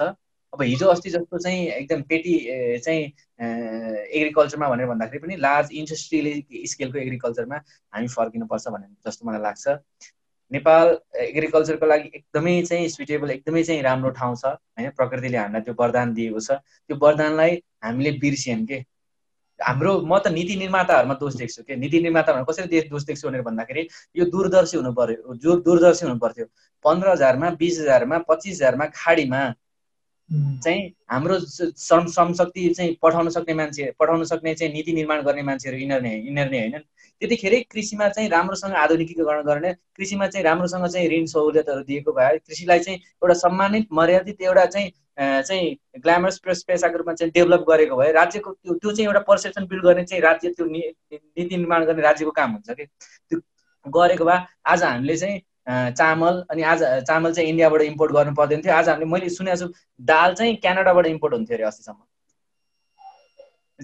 हामीले जति पनि कन्ज्युम गर्छौँ नि त्यो कन्ज्युम गर्ने चाहिँ हामी आफै चाहिँ चाहिँ सस्टेनेबल तरिकाले चाहिँ उ गर्न सक्छौँ। के भन्छ सस्टेनेबल तरिकाले चाहिँ हामी प्रोडक्सन गर्न सक्छौँ। सरकारले कृषिमा होइन कुनै पनि बाँझो अब अब मलाई लाग्ने कुरा भनेको चाहिँ मैले सल्लाह दिँदाखेरि सरकारलाई के हुन्छ भनेर भन्दाखेरि सरकारलाई अथवा हामीले नीति निर्माण गर्ने मान्छेहरूलाई चाहिँ कुनै पनि जग्गा देशको कुनै पनि जग्गा चाहे त्यो प्राइभेट जग्गा होस् चाहे त्यो पब्लिक जग्गा होस् कुनै पनि जग्गा बाँझो हुनु हुँदैन। होइन? कसैले बाँझो राख्छ भने त्यसमा बरु बढी ट्याक्स लगाउनुपर्छ। र सरकारी जग्गा छ प्राइभेट जग्गा छ भने थोरै ट्याक्स लिएर चाहिँ जसले चाहिँ उत्पादन गर्न चाहन्छ ठुलो कम्पनीजहरूले जसले उत्पादन गर्न चाहन्छ उहाँहरूलाई मजाले चाहिँ लिजमा दिए हुन्छ हो यति प्रडक्सन यो सामान यो चाहिँ एग्रिकल्चर प्रडक्ट यति प्रडक्सनमा तपाईँले राज्यलाई चाहिँ बुझाउनुपर्छ तपाईँले ट्याक्स नलिने कर नलिने भाडा पनि नलिने। तर उहाँहरूसँग सामान लिने। तपाईँहरूले यति सामान बुझाउनै पर्छ बुझाउनु भयो भने तपाईँहरूलाई पेनाल्टी लाग्छ भनेर पेनाल्टीको व्यवस्था गर्ने कि अडिटको व्यवस्था गर्ने कि यतिका विधि चाहिँ कृषि इन्जिनियरहरू छन् त देशमा। उहाँहरूले चाहिँ उहाँहरूले चाहिँ नियम उहाँहरूले चाहिँ उहाँहरूले चाहिँ पोलिसी बनाउनु हुन्छ नि त नेपालको कुन ठाउँमा के चाहिँ चाहिँ कुन खालको चाहिँ कृषिको कस चाहिँ फसल रोक्दाखेरि त्यो कुन कुन ठाउँमा चाहिँ बेस्ट हुन्छ भनेर उहाँले चाहिँ चाहिँ चाहिँ एउटा प्लान पोलिसी बिल्ड गर्नुहुन्छ नि। म भोलि पोलिसी मेकिङ चाहिँ गर्ने ठाउँमा पुग्यो भने नेपालको कुनै पनि जग्गा जमिन बाँझो रहन दिने होइन। कम्तीमा महिनामा पन्ध्र हजार बिस हजार जतिमा खाडीमा मान्छेहरू काम गर्न गइरहेछन् त्यो श्रम शक्तिलाई कम्तीमा पन्ध्र हजार रुपियाँ बिस हजार रुपियाँ दिएर यही देशमा राखेर गर्न सकिन्छ त्यसको लागि सरकारको सबैभन्दा प्राइमरी रोल नै सरकारको हुन्छ। कृषिमा हामी एकदमै एकदमै आत्मनिर्भर निर्भर नभइकन कुनै पनि देशको सार्वभौम सत्ता सुरक्षित हुँदैन। अब अहिले हेर न दुई महिना अझै रोकियोस् यो होइन? सरकारले छ सात महिनादेखि छ महिनादेखि आठ महिना हुन्छ जेनरली हामीसँग चाहिँ रिजर्भमा। तिन करोड पप तिन करोड होइन अहिले अढाई करोड पपुलेसन छ हामी अढाई करोड पपुलेसन छ अहिले हामीसँग। अढाई करोड पपुलेसन छ भने अढाई करोड पपुलेसनमा आज जति पनि चाहिँ मिलमा रिजर्भ छ व्यापारीहरूकोमा रिजर्भ व्यापारीहरूकोमा रिजर्भ छ चाहिँ खानेकुरा त्यहाँ चाहिँ मिलमा रिजर्भ होला। जति पनि रिजर्भ भएका जति पनि सामानहरू छन् नि जति पनि सामानहरूले गर्दाखेरि टोटल अब हामीले उत्पादन गरेनौँ भने उत्पादन बन्द भयो भने कति महिनासम्म टिक्छ त? छ महिनादेखि आठ महिनासम्म टिक्छ भनेर भन्छ। फेरि छ महिनाको चाहिँ छ महिनाबाट फेरि चार महिनामा चाहिँ लिएर आयो चार महिनामा भनेर भन्छ। भनेपछि अर्को दुई महिना तिन महिना यसरी नै हामीले उत्पादन नगरिकन खालि कन्ज्युम मात्रै गर्दै जाने हो भने भोलि पैसा हुँदा पनि त्यो सामान किन्न पाइँदैन कि? इन्डियाबाट लिएर आउनु त मिल्दैन विदेशबाट लिएर आउनु त मिल्दैन। अनि त्यो बेलामा कस्तो खालको पोलिसी कस्तो खालको जनतालाई कसरी फिड गर्ने जनतालाई चाहिँ कसरी चाहिँ फिड गरेर राख्ने भन्ने कुरा चाहिँ त्यो सरकारको रेस्पोन्सिबिलिटी हो भनेर भन्छु कि मैले। सरकारको रेस्पोन्सिबिलिटी सरकारको रेस्पोन्सिबिलिटीमा ध्यान दिनै पाएको छैन। उसलाई त्यो स्वास्थ्य सामग्रीमा चाहिँ खरिदमा चाहिँ कसरी सेटिङ मिलाएर कमिसन हान्ने भन्नेमै चाहिँ कसरी कुन चाहिँ व्यापारीलाई क्रोनिक क्यापिटलिजम भएको छ कि अहिले? कोही व्यापारीहरूलाई कुन चाहिँ व्यापारीलाई चाहिँ सेटिङ मिलाएर कसरी कमिसन खाने भन्ने कुरामै सरकारको ध्यान प्राइमरी चाहिँ ध्यान त्यसमा गएको छ भन्ने जस्तो लाग्छ। अनि यिनको हेर यिनको अहङ्कार कस्तो खालको छ कि? अब अझै यस्तो दुई महिना स्थिति होस् मान्छेहरू रोडमा आउँछन् कि? आज अमेरि हिजो मैले न्युज सुनिरहेको थिएँ अमेरिका ट्रम्पमा बन्दुक लिएर चाहिँ बन्दुक लिएर मान्छे रोडमा चाहिँ निस्किरहेछन् लकडाउन बन्द गरेर भनेर। बन्दुक लिएर निस्किरहेछन् दुई महिना यस्तै होस् नेपालमा पनि त्यो स्थिति आउँदैन भनेर भन्न सकिन्न। यो चाहिँ सरकार चलाउने सिओ के भयो? भेनेजुएलामा के भयो? त्यसको पनि उदाहरण लिन सक्छौँ सन्तोष हामीले ग्रिस र भेनेजुएलाको इकोनोमिक्स विदाउट द क्राइसिस कुन परिस्थितिमा पुग्यो आफू सेल्फ सस्टेनिङ नहुँदाखेरि। सरी म बिचमा इन्टरप्ट भयो। जम्पिङ इन यो यो कुरा एकाडेमिकली पनि अवेर गराउनु पर्छ हो मान्छेलाई किनभने अहिले जति पनि यो टेक्नोलोजी कलेजहरू छ इन्जिनियरिङ कलेजहरू होइन बिजनेस कलेजहरू सबैजना फोकस भनेको चाहिँ एकदमै यो मोडर्नाइज भर्जन अफ बिजनेसहरू छ नि। एप डेभलपमेन्ट वेबसाइट डेभलपमेन्टमा मात्रै फोकस भइरहेको छ नि त। अनि बरु टेक्नोलोजीलाई चाहिँ हाम्रो ट्रेडिसनल वेज अफ लाइफमा चाहिँ कसरी कनेक्ट गर्न सकिन्छ भन्ने कुरामा पनि ल्याक भइरहेको हो त। जस्तो म एउटा उदाहरण दिइदिन्छु यसमा। हामीले म रेस्टुरेन्ट व्यवसायमै भएको कारणले म एउटा कुरा चाहिँ भन्न सक्छु कति कुराहरू जस्तो एउटा राइट डिसिजन लिने कुरा आउँछ होइन जस्तो मैले कति समयमा चाहिँ can be use Nepali products होइन जस्तो हामीले चामलको प्रयोग गरिरहेछौँ भने म जब डाटा हेरिरहेको हुन्थेँ यो सामान कहाँबाट इम्पोर्ट भइरहेछ र यसको कस्ट कति छ भनेर एनालाइज गरेर हेर्दाखेरि मैले बजारमा नेपाली चामल खोजेर त्यो क्वालिटीको पाउँदै पाउँदैन कि? So as a dis decision maker एउटा डिसिजन राइट लिउँ होइन नेपालको प्रडक्टलाई अगाडि बढाउँ भनेर सोच्दाखेरि हामी एग्रिकल्चरको कुरामा थियो अघि अभाइलेबलै छैन कि। सो अहिलेको टाइममा चाहिँ हामी के अवेर हौँ? हामी बिस वर्ष पच्चिस तिस वर्ष अगाडिसम्म एउटा एग्रिकल्चरल नेसन हाम्रो जिडिपीको बिगेस्ट कन्ट्रिब्युटर एउटा एग्रिकल्चर सेक्टर थियो। होइन अहिले रेमिटेन्स भने जस्तो आई डोन्ट नो कति पर्सेन्टेजहरूमा थियो त्यो हामीले गएर पढ्न सक्छौँ रिसर्च गर्न सक्छौँ। We need to look back in to that economy because at least if not all these technology and immunities were not available then at least in terms of food security र हाम्रो एउटा उत्पादनको हिसाबले पपुलेसनलाई feed गर्न पुग्ने र हामीसँग सायद सरप्लस पनि थियो। सरप्लस पनि थियो। अब हामी त्यो परिस्थितिबाट किन हामी यो स्थितिमा आइपुग्यौँ त? जहाँ चाहिँ एटलिस्ट हामीले अलरेडी प्रड्युस गर्ने चिजहरू जस्तो मेरो पुर्खौली घर काभ्रे हो। काभ्रेको टमाटर र आलु भनेको सबसे फेमस थियो त्यो मैले देखेको समयमा। अब अहिले त्यहाँ उत्पादनै हुँदैन। उत्पादन गर्न मान्छे इच्छुक पनि छैन। त्यो परिस्थिति किन आयो? अब हामीले सोच्नै पर्ने स्थिति छ। स्पेसली फुडको कुरा हुँदाखेरि चाहिँ। ओके कसै कसैलाई केही क्वेसन्सहरू छ भने चाहिँ कमेन्ट गरिदिनु है। अब हाम्रो यो सेसन सकिन आँट्यो फ्यु मिनट्स पछि अब Q and A session start हुन्छ। I will be asking your questions दाइहरूलाई म रिले गरिदिन्छु। ल पन्चारी के भन्न आँट्नु भएको थियो। मैले भन्न खोजेको चाहिँ प्राइमरी कुरा चाहिँ कृषि हो। यो कृषिको लागि चाहिँ सरकारले अझै बढी फोकस गर्नुपर्छ। अनि आम नट चाहिँ चा चामल मात्रै धेरै उत्पादन उत्पादन गर्नुपर्छ भनेर पनि भन्न खोजिराखेको होइन मैले। जे हाई भ्यालु क्रप्सहरू छ त्यो क्रप्सहरू चाहिँ धेरै चाहिँ त्यस्तो वी हेभ सो मेनी के चाहिँ उत्पादन गर्न सक्ने खालको त्यो हो। त्यसमा चाहिँ सरकारले प्राइमरी रूपमा त्यसमा ध्यान दिनुपर्छ। पहिलो कुरा चाहिँ त्यही नै हो। त्यसै कृषि नै हाम्रो मानव सभ्यताको सबैभन्दा रुट नै कृषि हो। यो हामीले बिर्सेन हाम्रो देशका मान्छेहरूले बिर्से यो पर्टिकुलरली यो सरकार के भन्छ यो चाहिँ प्रजातन्त्र आएपछि त्यो मान्छेहरूको एकदमै धेरै प्रजातन्त्र भन्ने कि के भने छ्यालिस सालमा जुन डेमोक्रेसी भनेर भने चाहिँ अहिले त डेमोक्रेसी लाग्दैन मलाई। कुनै पनि दलमा पनि डेमोक्रेसी छैन सरकारमा पनि डेमोक्रेसी छ जस्तो मलाई लाग्दैन। यो त यो त डिमोनोक्रेसी हुँदै गइरहेको जस्तो मलाई लागिरहेको छ अहिले भन्न खोजेको कुरा भनेको चाहिँ। किन त जहिले पनि चाहिँ चाहिँ सरकारी परिवर्तन हुन्छ पार्टी परिवर्तन हुन्छ तर जनताको स्थिति झन्झन झन्झन झन्झन खस्कोदो छ। होइन? यो त हामीले सबैजनाले देखिरहेकै स्थिति छ। सरकारी पर्यटन होइन? इट्स नट अबाउट चाहिँ के भन्छ सिस्टमको कुरा के? अब चाहिँ त्यो सिस्टमलाई काम गराउने मान्छेहरूको इमान्दारिताको कुरा आउँछ। हाम्रो रुट हाम्रो चाहिँ जरा एग्रिकल्चर हो होइन? हाम्रो जरा एग्रिकल्चर हो भने हामी फेरि चाहिँ एग्रिकल्चरमै फर्किनुपर्छ। अनि बाँकी यो टेक्नोलोजी एडभान्समेन्ट चाहिँदैन भनेकै होइन चाहिन्छ। है? चाहिन्छ। तर प्राइमरी कुरा चाहिँ एग्रिकल्चर त्यसलाई चाहिँ हामीले जसरी न जसरी चाहिँ छयालिस साल पछिका सरकारहरूले चाहिँ नजरअन्दाज गरे त्यो नजरअन्दाज चाहिँ अब गर्नु भएन होइन? अब प्राइमरी त्यो नजरअन्दाज चाहिँ अब गर्नु भएन र हामीले चाहिँ उन्नत खालको कृषि उन्नत खालको उयसमा हामी चाहिँ हाम्रो सबै देशका चाहिँ प्राइमरी चाहिँ रिसोर्स त्यसमा लाग्नुपर्छ भन्ने मलाई लाग्छ। ओके। म एउटा सवाल एउटा सोध्छु कि? Okay okay. हामी एटिजमा हामी एग्रिकल्चर इकोनोमी थियो जुन मैले भने नाइन्टिजमा अब त्यो हामी मोडर्नाइजेसनतिर गयौँ पोलिटिकल ट्रान्सफर्मेसनतिर गयौँ। अर्ली टु थाउजन्डसम्म हामीले निकै पोलिटिकल सिचुएसन गाह्रो भोग्यौँ। तर त्यसपछिको इकोनोमी चाहिँ कस्तो भयो भने खेत बेचेर हामीले गाडी किन्यौँ खेत बेचेर हामी विदेश गयौँ होइन? अनि अहिले अब त्यो काम पैसा नि काम लागिरहेको छैन अहिले त्यो गाडी चढेर नि जान कहीँ छैन। लास्टमा त खानालाई त त्यो खेतै चाहिने रहेछ होइन? अब यो बुझ्न जरुरी छ हामीले। अब हामीले अर्को सेकेन्ड गाडी किन्ने अब फेरि अर्को एउटा गाडी किनेर लगानी त्यता गर्ने कि बरु एउटा किसानलाई सक्षम बनाउने जसले हाम्रो उत्पादनमा चाहिँ कन्ट्रिब्युट गर्न सक्छ र उसले उत्पादन गरेको चिज नै हामीले खाने हो। सो पहिला हामी आफूलाई सेल्फ सस्टेन बनाउन चाहिँ त्यस्तो सोच राख्नु पर्यो। फाइनेन्सियल इन्स्टिट्युट गभर्मेन्ट्स इन्भेस्टर्स यो होल एन्टायर कम्युनिटीले कोही अन्टरप्रेन्यर्सले गर्न सक्ला। म इन्जिनियर्सहरूसँग धेरै इन्टरेक्ट गरिरहेको हुन्छु धेरै भाइ बहिनीहरू इन्जिनियरिङ पढेका छन्। इन्जिनियर्सहरूले पनि गर्न सक्छ। इनोभेसन ल्याएर यसमा धेरै काम गर्न सकिन्छ।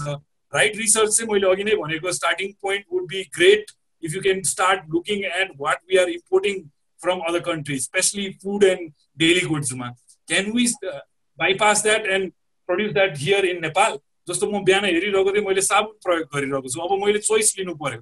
नेपालमा बनेको उत्पादन पनि छ साबुन हामीलाई थाहा छ तर हामी किन्दैनौँ। होइन हामी बाहिरको प्रडक्ट्स किन्छौँ। अब खानमा पनि त्यसरी नै सोच्नु पर्यो। सबै एकैचोटि नहोला। तर स्टार्टिङ पोइन्ट चाहिँ इम्पोर्ट एक्सपोर्टको लिस्ट हेरेर हामीले इम्पोर्ट के गरिरहेछौँ त्यहाँबाट स्टार्ट गऱ्यो भने धेरैलाई अहिले नयाँ बिजनेसको आइडिया भनेर सोधिरहेको हुन्छ त्यहाँबाट स्टार्ट गर्नु भन्छु म चाहिँ what are we importing can be replace that can be fix that okay ल दाहरू अब यो हाम्रो सेसन यहीँ सक्कम मिटिङ एक एक घन्टा भयो। अब यसपछि चाहिँ अब चाहिँ हामी क्युएनएतिर लागौँ है। हुन्छ। अनि क्युएनएमा पनि यहाँ भएको हाम्रो जुन सेसनमा भएको पनि क्युएनए भयो त्यहाँको टाइप गरेर टाइप गरेर पनि मान्छेहरूले पठाउँदै हुनुहुन्छ कम्बाइनेसन गरेर गर्नु पर्ला। म यो क्वेसनहरू सबै हजुरहरूलाई पढिदिन्छु। हजुरहरू एन्सर दिनु है त। र समन नेम बाई सिइओले भन्नुभएको छ सिइओजीले how important was your college education for your entrepreneurship journey particularly do you think entrepreneurship can be taught in colleges हजुरहरू मध्ये जसले गर्दा पनि हुन्छ यसको answer we are dropouts. Ashish, you begin and then I. then I. Then I. यसलाई यसलाई चाहिँ rapid fire स्टाइलमा गर छिटिस होइन क्वेसनहरू धेरै होला ऱ्यापिड फायरमा गर ऱ्यापिड फायरै एन्सर दिन्छु म college education for me I don't give a rat ass about it सादा भाषामा भन्दा ओके ओके। केही कुरा सिक्नु केही कुरा सिक्नु छ भने तपाईँले आफै सिक्न सक्नुहुन्छ आजको दिनमा। मेरो विचारमा फर्मल एजुकेसनै चाहिँ चाहिन्छ भन्ने कुराको चाहिँ म कटर विरोधी पनि हो र त्यसको अभियन्ता पनि हो। आज त पुरै कटर विरोधी भन्छ। म यति कुरा पनि भन्छु हरेक विद्यालय पनि एउटा बिजनेस हो। आजको दिनमा every school every institution is a business so get the cheapest education if you need to get the education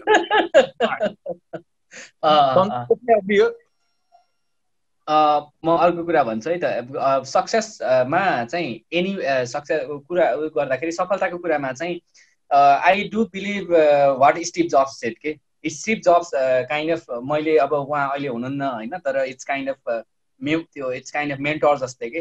जब उहाँको भिडियोजहरू हेर्छु एक्चुअली मैले भनौँ न जो मान्छेसँग सिकिन्छ त्यो मान्छे चाहिँ मेन्टर हो भनेपछि स्टिभ जब्सको कुरा गरौँ। स्टिभ जब्सले एजुकेसनको बारेमा भन्नुभएको छ कि? इज अल्सो ड्रप आउट तर त्यो कोर्सहरू त्यो कुराहरू जुन चाहिँ बिजनेस त्यो कोर्स र त्यो कुराहरू भनौँ न मलाई जुन कोर्स आवश्यक छ जस्तो लाग्छ म त्यो कोर्सको लागि मात्रै गरेर लिन्छु कि म सर्टिफिकेट लिन्न कि? अब मलाई इट्स नट नेसेसरी सर्टिफिकेट मलाई जुन कोर्स चाहिँ जरुरी छ मलाई बिजनेसको चाहिँ प्रोफेसनल चाहिँ बिजनेसको जुन इक्विपमेन्ट बढाउनको लागि बिजनेसको नलेज बढाउनको लागि स्किल जुन छ त्यो स्कुलसँग सम्बन्धित मात्रै कोर्स लिन्छु कि म? अब म पुरा त्यो एमबिए गरेर बिबिए गरेर चार वर्ष चाहिँ छ वर्ष दुई वर्ष तिन वर्ष फाल्नेवाला छैन कि? लाखौँ खर्च गर्नेवाला छैन कि? मलाई जुन चाहिन्छ त्यो कोर्स मात्रै लिन्छु म। अनलाइनमा भेटिन्छ अनलाइनमा लिन्छु अफलाइनमा भेटिन्छ अफलाइनमा लिन्छु। इट्स लाइक त्यस्तो सेलेक्टिभ हुने कि? नलेज चाहिन्छ तर त्यो नलेज मात्रै लिने जुन नलेज चाहिँ आफूलाई आवश्यक छ। ओके नेक्स्ट क्वेसन यो चाहिँ सन्तोष दाईलाई नै डाइरेक्ट भएको छ है। रितेशजीको क्वेसन छ is it possible to minimize sleep quantity and maximizing quality of sleep and efficient brain working day if possible how can be Santosh it is not it is not म सल्लाह पनि दिँदैन है सल्लाह पनि दिँदैन तपाईँको जिन्दगीमा कम्तीमा दिनमा कम्तीमा अब उमेर यो उमेर हेरेर त्यहाँपछि बायोलोजिकल हेरेर कम्तीमा छदेखि आठ घन्टा सुत्नै पर्छ मान्छे म आठ घन्टा सुत्नै पर्छ मलाई चाहिँ सात घन्टा सुतेर पनि हुँदैन। म आठ घन्टा सुत्छु सुत्छु कि सात घन्टा सुत्छु सुत्छु कि मिनिमम। अनि बरु कम भयो भने म एउटा यसमा एड गर्छु तपाईँलाई गुड क्वालिटी स्लिप चाहिएको छ भने सूर्यास्त अगाडि सूर्य अस्ताउनु अगाडि नै खाना खाइसक्नु र नौ साढे नौ दस बजे म्याक्सिमम त्योभन्दा माथि थ्रेसोल्ड क्रस नगर्नु। Turn everything off and hit the bed that's what I've been doing for the last twenty six days sleep घटाउनु हुँदैन। स्लिप घटाउनु हुँदैन। त्यसले हेल्थमा एडभर्स एडभर्स इफेक्ट गर्छ। जति चाहिन्छ त्यति सुत्नुहोस्। आखिर जिन्दगीमा करोड त्यो धेरै माथि पुगेर भोलि तपाईँ करियरमा नेपालको सबैभन्दा खत्रै हुनुभयो। नेपालको मात्रै होइन त संसारकै खत्रै हुनुभयो। तर तपाईँले आज चाहिँ इन्जोय गर्नु भएको छैन। It fucking sorry it fucking does not matter चलेगा चलेगा इट डज नट म्याटर मैले भन्न खोजेको चाहिँ मजाले सुत्नुहोस्। आज इन्जोय गर्नुहोस् भोलि नहेर्नुहोस्। र अब एकजना हाम्रो गेस्ट कनेक्ट हुनुहुन्छ है हामीसँग। खोइ विधानले भन्दैछ. दाइ म यो हाम्रो एनानोमस भन्ने एकजना हुनुहुन्छ है उहाँलाई कनेक्ट गरिदिन्छु है। Anonymous you can talk now okay Santosh दाइलाई है नमस्कार दाइ सुरुमा त नमस्कार अनि म- हेर्नुहोस्।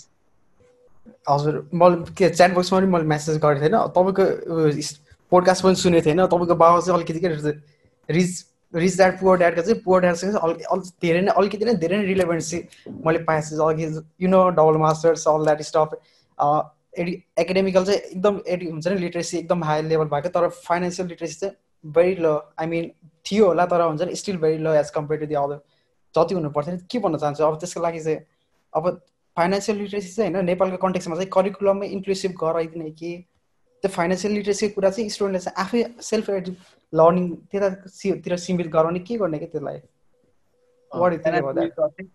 मेरो विचारमा चाहिँ फाइनेन्सियल लिटरेसी चाहिँ स्कुलको करिकुलममा चाहिँ हाल्नुपर्छ नै भने जस्तो लाग्छ मलाई। अलिकति राम्रोसँग व्यवस्थापन गरेर स्कुलको करिकुलममा हाल्नुपर्छ। सबैभन्दा इम्पोर्टेन्ट कुरा छ। अझ स्कुलको करिकुलमको कुरा आइहाल्यो। महरको कुरा पनि जोड्छ। अब थोरै भने दुई मिनट यसमा पनि दिइहालौँ भनेर भनेपछि भनेपछि। हाम्रो रुट जसरी एग्रिकल्चर हो त्यसै गरी हाम्रो सभ्यताको रुट हाम्रो धर्म संस्कृति हो कि। म चाहिँ स्कुलमा चाहिँ चाहिँ हाम्रो हिन्दू धर्म वैदिक सनातन धर्म भनेर हिन्दू धर्म यो धर्म त्यो धर्म भनेर भन्दाखेरि पनि प्राइमरी कुरा चाहिँ वेद भनेको नलेज हो ज्ञान। होइन हाम्रो ऋषिमुनिहरूले त तपस्या गरेर चाहिँ पत्ता लगाउनु भएको चिज चाहिँ लेख्नु भएको चिज चाहिँ श्रुति परम्पराबाट चाहिँ चाहिँ अर्को एउटा जेनेरेसनबाट अर्को जेनेरेसनमा आउँदै गएर अहिले लेखिएको पनि छ। प्राइमरी कुरा फिनान्सियल लिट्रेसीको कुरा पनि कुरा र यो चाहिँ हामीले आज अध्यात्मको धेरै कुरा गर्न पाएन स्पिरिचुअलिटीको धेरै कुरा गर्न पाएन। त्यो। स्पिरिचुअलिटीको लागि चाहिँ मैले त्यो कुरा पनि अ, चाहिँ भाग वेदको कुरा चाहिँ र संस्कृत र वेदको कुरा चाहिँ कक्षा एकदेखि कक्षा बाह्रसम्म अनिवार्य पढाइनुपर्छ। त्यस्तै क्रममा फाइनेन्सियल लिट्रेसीको कुरा पनि अनिवार्य पढाइनुपर्छ भनेर भन्छु मैले चाहिँ।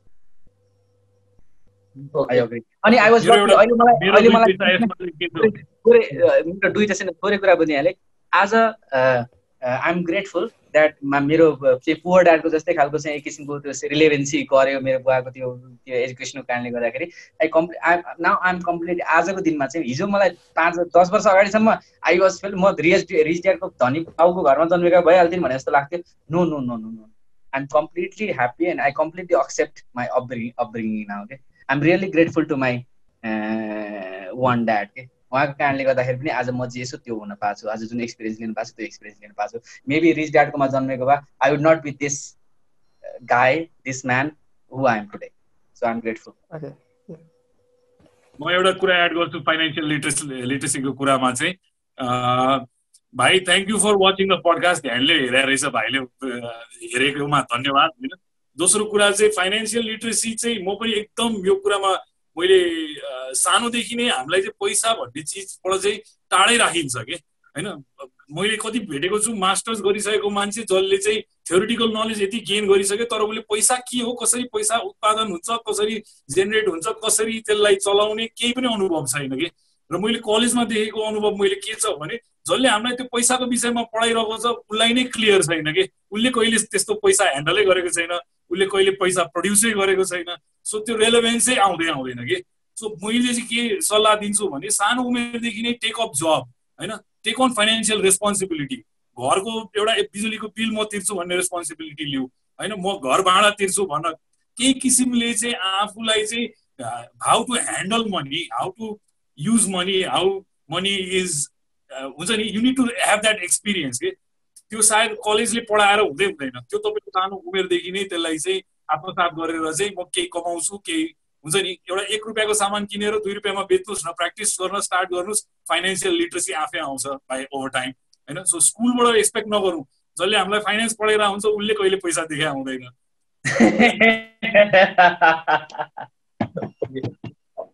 अर्को अर्को अर्को क्वेसन हाल्छु है म।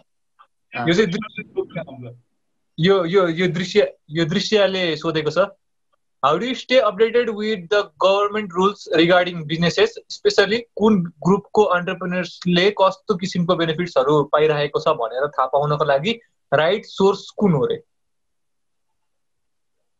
म यसमा एन्सर गरिदिन्छु।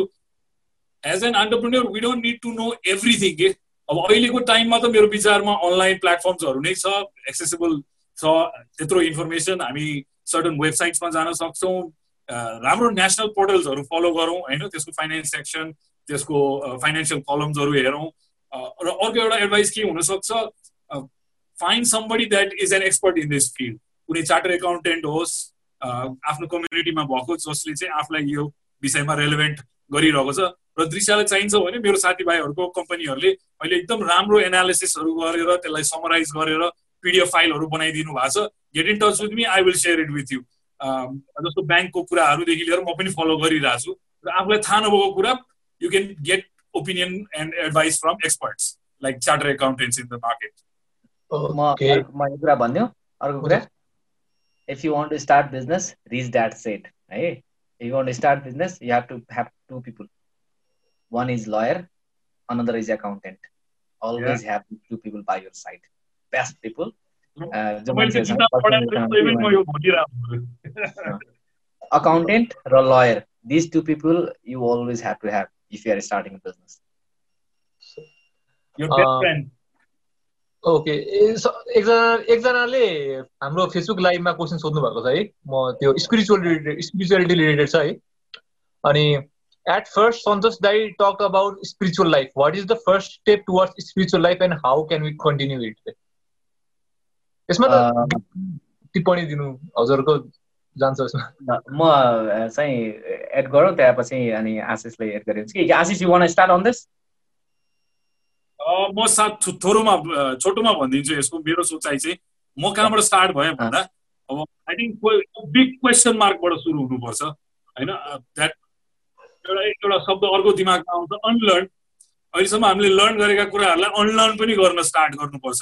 I think that would be a great starting point to understand things in a new way because a spiritual growth is not something you can attain in like a short period of time it is an on going process होइन त्यो एउटा day to day practice हो so म चाहिँ के भन्छु भने I don't नोबाट सुरु गर्नुपर्छ I want to know I want to seek and I and I want to know more भन्ने हिसाबले स्टार्ट गर्नुपर्छ सो एउटा सिकर बन्नु start to start to question things read things listen things debunk your your existing perceptions believe बिस्तारै त्यो प्रोसेसमा जानुभयो भने त्यो आफै एउटा स्पिरिचुअल जर्नीमा क्रिएट हुन्छ। सन्तोष दाई अ, यसमा चाहिँ म के भन्छु भनेर भन्दाखेरि हाम्रो यो स्पिरिचुअल जर्नी भनेको चाहिँ के हो यो होल स्टोरी भनेको चाहिँ के हो भनेर भन्दाखेरि यो होल स्टोरी भनेको चाहिँ वी आर ओल दिस यो होल जुन अर्थको एउटा होल अर्गानिजम छ यो अर्गानिजम चाहिँ एउटा अर्गानिजमको रूपमा हेर्छु कि मैले। सो हामी सेपरेट भएर जन्मिन्छौँ कि? जब हामी जन्मिन्छौँ एउटा इन्डिभिजुअल भएर जन्मिन्छौँ कि? अनि यो इन्डिभिजुअलले चाहिँ यो एउटा इन्डिभिजुअलले म यो होल अर्थको यो होल अर्थको एटमोस्फियरसँगैको अर्थको एउटा पाटो हो भनेर बुझ्ने जुन प्रक्रिया छ नि पहिलो कुरा चाहिँ म इन्डिभिजुअल भएर जन्मेँ इन्डिभिजुअल मान्छे हो नि त। मेरो नाम छ मेरो थर छ मेरो नेसनालिटी छ मेरो रिलिजियन छ मेरो फ्यामिली छ। I have this sense of identity के अनि त्यो आइडेन्टिटी हुँदा हुँदै त्यो आइडेन्टिटी भन्दा पर गएर म यो होल एटमोस्फियरको एक्जिस्टेन्सको अघि मैले भने नि एक्जिस्टेन्सियल ऋण हुन्छ भनेर अस्तित्वको ऋण हुन्छ भनेर त्यो अस्तित्वको म एउटा अंश हो र बाँकी सबै मान्छेहरू मैले देख्ने सबै मान्छेहरू मान्छेहरू मात्रै नभएर चरा चुरुङ्गी रुख जनावर यो सबै जे जे अस्तित्वमा छ यो सबै अस्तित्वको म एउटा अंश हो र यो मेरै सबै यो मेरै अस्तित्वको यो अस्तित्वको एउटा अंश हो भनेर बुझ्ने जुन प्रक्रिया छ त्यो बुझ्ने प्रक्रिया चाहिँ स्पिरिचुअलिटी हो कि? तर हामी जन्मिँदाखेरि हामीलाई सेपरेटेड नेट सिकाइ सिकाइएको छ। मेरो नाम दिइन्छ मेरो थर दिइन्छ मेरो नेसनालिटी दिइन्छ मेरो चाहिँ चाहिँ जेन्डर दिइन्छ म केटा म केटी अथवा चाहिँ म नेवार म यो म ब्राह्मण क्षेत्री यो जुन आइडेन्टिटी दिइन्छ नि यसले सेपरेट बनाउँछ क्या मान्छेलाई। अनि यो separate आइडेन्टिटीबाट when you go back to यो ओरिजिनल आइडेन्टिटी ओरिजिनल आइडेन्टिटी भनेको चाहिँ before you're born before you're conceived जुन ओरिजिनल आइडेन्टिटी छ नि सोलको यो when you realize that यो होल जर्नी होल लाइफ नै त्यही जर्नीको लागि दिइएको हो कि ह्युमन्सहरूलाई खास चाहिँ यो कुरा हो म एउटा सानो अर्को मैले सम्झेको कुरा एड गर्छु। एउटा टेक्निक दिन सक्छु म जुन चाहिँ work for me personally which is think of your mortality every day just try that mortality भन्नाले मैले डेथको कुरा गरेँ। Every day remind yourself that you are not infinite you are finite you're gone at least your body is gone and होइन त्यो कुरा र त्यसले आफूलाई एउटा समयको रेलेभेन्स सबै कुरा कन्टेक्चुलाइज गरिदिन्छ. So think about your own death as much as you can त्यसले आफैले स्पिरिचुअल पाथमा हो आखिर होइन हामीले चिन्ने हामीले जान्ने हरेक मान्छे एक दिन त एक दिन त यो सं- शरीर छोड्नै पर्ने छ।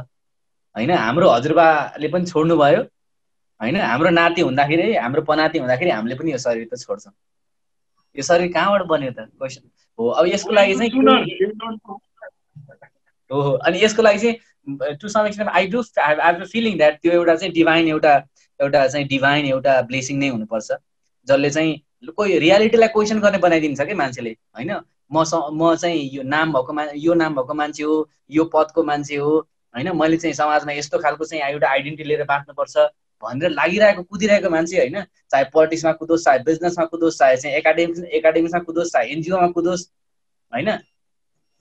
जेमा पनि मान्छे कुदिराखेको हुन्छ नि त्यो कुदिराखेको त्यो क्वेसनलाई रिया क्वेसनलाई चाहिँ त्यो त्यो रियालिटीलाई ठ्याङ्ग पारेर क्वेसन गर्ने चाहिँ मेरो लागि अघि आशिषले चाहिँ डेथलाई सम्झिनुपर्छ भने जस्तै तिनवटा कुराले सम्झाउने रहेछ भने चाहिँ एमटी पकेट अनि हार्ट ब्रेक अनि फेलियर अनि अर्को कुरा भनेको नजिकैको मान्छे एकदमै नजिकैको मान्छे। कसैको डेथ भएपछि त्यहाँबाट सुरु हुन्छ। लस जो मान्छे चाहिँ आफ्नो नजिकैको मान्छे डेथ हुन्छ नि त्यो डेथबाट सुरु गर्छ। मेरो लागि चाहिँ अझै धेरै एक्सप्यान्डिङ चाहिँ एक्सपिरियन्स ममको डेथ थियो। आशिषले सेयर गरेको। आशिष को हुनुहुन्थ्यो तिम्रो साथी? कि अङ्कलको काका हुनुहुन्थ्यो। काका हुनुहुन्थ्यो। काका काम गर्ने रेडमोडको को फाउन्डर बराबरको मान्छे हुनुहुन्थ्यो। उहाँ अल अफ अ सडन बित्नु भएपछि अनि त्यहाँदेखि we start real ice cream question रियालिटीलाई के? मेरो मम्मी बित्नु भयो मम्मी बितेपछि मैले क्वेसन रियालिटीलाई क्वेसन गर्न थालेँ कि? What is this all reality सबै लास्टमा आगे खराबी नै भएर लाग्छ हो अनि त्यहाँ चाहिँ मान्छे फेरि इट गोज ब्याक म कहाँबाट आएँ? के गरिरहेको छु? कहाँ जाने हो? On. अर्को अर्को question was there a time you messed up and felt like you had failed how did you bounce back Santosh न अब अहिले चाहिँ मलाई रियलाइज भइसक्यो होइन। म सफलता पनि there are no success and there are no failures there are just experiences now now I realize that there are no success there are no failures there are just experiences make sure that you failure भनेको चाहिँ bad experience हो success भनेको good experiences हो। त्यति कुरा मात्रै हो होइन? There are so many times in my life मैले त अलि सुरु मैले करियर बिजनेसकै ल लाइफको कुरा एकातिर छ होइन? बिजनेसको कुरा अर्कोतिर छ। पहिलो बिजनेसको कुरा अर्कोतिर छ। लाइफकै कुरा गर्ने भने मैले एसएलसीमा डिस्टिङसन लिएर आउनु पाएन अथवा बोर्डमा नाम आएन मेरो माई फेलियर भयो द्याट पहिलो फेलियर त्यो थियो।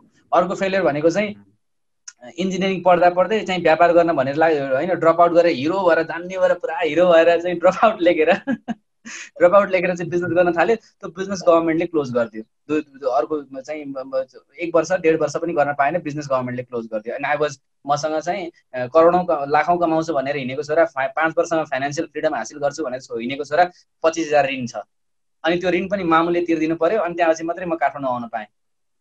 फेलियर त्यो अर्को भयो। अर्को फेलियर भनेको चाहिँ फेरि चाहिँ काठमाडौँ आएर चाहिँ बिजनेस सुरु गरियो चाहिँ ब्रोकिङ कम्पनी सुरु गरियो। त्यो कम्प त्यो त्यो पनि चाहिँ भनौँ न एकदम ठुलो चाहिँ सक्सेसफुल भयो। कमोडिटिजको बिजनेस ठुलो सक्सेसफुल भयो। त्यो सक्सेसफुल भइसकेपछि फेरि आएर चाहिँ विथ सो मेनी मार्केट सर्कमस्टान्सेसहरूको कारणले गर्दाखेरि इट क्रास त्यो अर्को फेलियर भयो टु टु थाउजन्ड टुवेल्भ थर्टिनमा होइन फोर्टिनमा। त्योभन्दा अर्को फेलियर भनेको चुनाव लडियो होइन संविधान सभाको चुनाव लडियो। त्यो संविधान सभाको चुनावमा चाहिँ धेरै कम मत आयो धेरै चाहिँ कम मत आयो देश बनाउँछु भनेर हिँडेर ठुलो चाहिँ सपना देखेर देश बनाउँछु भनेर हिँडेको छोरा होइन? होइन? ठुलो मान्छे गराउँछु देशमा राम्रो गराउँछु भनेर हिँडेको छोरा चाहिँ मजाले चाहिँ नराम्रोसँग चाहिँ पब्लिकली हारियो मजाले पब्लिकली हारियो। होइन? त्यो एकदमै धेरै पपुलर भइसकेको थियो म त्यतिखेर। अझै त्यतिखेर सोसियल मिडियाको भर्खर भर्खर भर्खर चाहिँ सोसियल मिडियाले पोलिटिक्समा भर्खरै इन्फ्लुएन्स गर्ने खालको त्यस्तो खालको सिनारी भइरहेको थियो। त्यो बेलामा होइन? नेपालमा सबैभन्दा धेरै मोस्ट प्रोयाब्ली म एज अ राइजिङ चाहिँ पोलिटिसियन राइजिङ चाहिँ पोलिटिक्स गर्ने मान्छेहरूमा चाहिँ सबैभन्दा धेरै चाहिँ फेसबुक लाइक र सबैभन्दा धेरै बढी फलो फलो गरिने मान्छे मध्ये एउटा थियो पपुलरै एकदमै अर्कै खालको। अनि त्यो भइसकेपछि अनि चुनाव एक्चुअल चुनावमा त मजाले हारियो। त्यो अर्को फेलियर भयो होइन? त्यहाँपछि फेरि चाहिँ कम्पनी सुरु गर्यो। अस्ति भर्खरै एक्सकम भन्ने कम्पनी सुरु गर्यो। एक्चुअल त्यसलाई हुनु त त्यो भएर एक्सकम भन्ने कम्पनी सुरु गर्यो। त्यसलाई त्यसलाई पनि एउटा बिगर स्केलमा लिएर जान सकिन। तर आज property three sixty three sixty भनेर जुन गरिँदैछ त्यो पनि त्यसैकै उपज हो होइन त्यो त्यस- त्यसैको चाहिँ एउटा चाहिँ नेक्स्ट भर्सन खालको कुरा हो। त्यो भएको कारणले गर्दाखेरि there are no failures there are only experiences there are no failures. There are no failures. There are just experiences. Learn from that and move on. Ashish दाई म चाहिँ एकदम रमाइलो तरिकाले भन्छु है। फेलियर भनेको चाहिँ नर्मली अब पास्टमा हुन्छ त्यसलाई सोचेर धेरै मैले पनि कति टाइम चाहिँ आफूलाई एकदम तनाव दिइरहेको हुन्थेँ होइन मैले यसो नगर्नुपर्ने बितिसकेको फेलियर भनेको। त्यसमा धेरै टाइम र एफर्ट र माइन्ड र एनर्जी लगाउनु हुन्न। लाइक मैले चाहिँ एक दिन यसै गरी फेलियरकै विषयमा सोच्दै हिँड्दाखेरि चाहिँ म ट्रेकिङ गरिरहेको थिएँ। र मैले ती एकदम नेचरमै एउटा एन्सर पाएँ कि यो त नन स्टप उकालो ओह्रालो हो नि त। सधैँ उकालो पनि हुँदैन सधैँ ओह्रालो पनि हुँदैन। होइन कहिले ओह्रालो हुन्छ कहिले उकालो हुन्छ। कहीँ डाँडाको टुप्पोमा पुग्नलाई निकै समय उकालो उक्लिनुपर्छ। फेरि त्यो टुप्पो पुगेपछि फेरि अरू कहीँ जाने ठाउँ हुँदैन। फेरि तलै झर्नुपर्छ। होइन सो मैले त्यो त्यो एनालिसीबाट पनि लाइफ त्यो त पार्ट अफ लाइफ हो। त्यो कन्टिन्युसली त्यो ट्रेलमा हिँडिरहने हो। सक्सेस एन्ड फेलियरलाई धेरै ध्यान र फोकस गरिरहनु पर्दैन। काम गरिरहने हो त्यो ट्रेलमा हिँडिरहने हो आफू।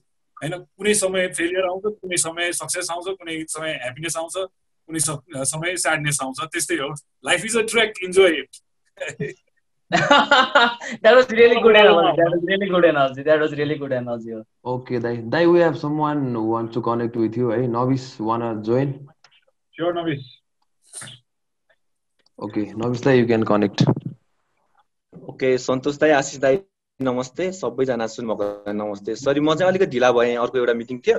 अनि ठ्याक्क मैले सुनिरहेको छैन त्यताको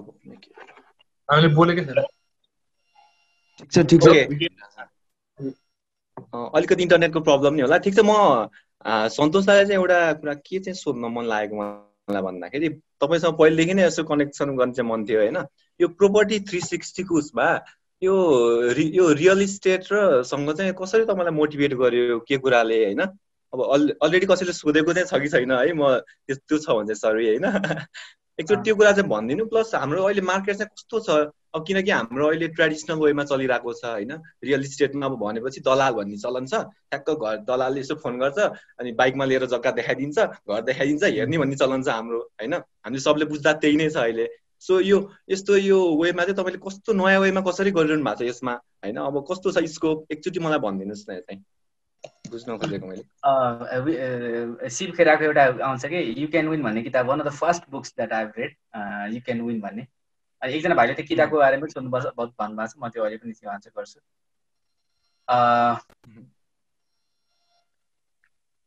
रियल स्टेट मलाई नेपालमै बसेर काम गर्नु पर्यो भनेपछि अनि मैले रियल स्टेट छानेको प्राइमरी कुरा चाहिँ नेपालमै बसेर काम गर्नु पर्यो। मैले सफ्टवेयर काम गरिरहेको थिएँ। अघिल्लो समयसम्म सफ्टवेयर काम गर्दाखेरि यु टु ट्राभल ल त्यहाँपछि अर्को अर्को देशमा गएर गर्नु पर्यो।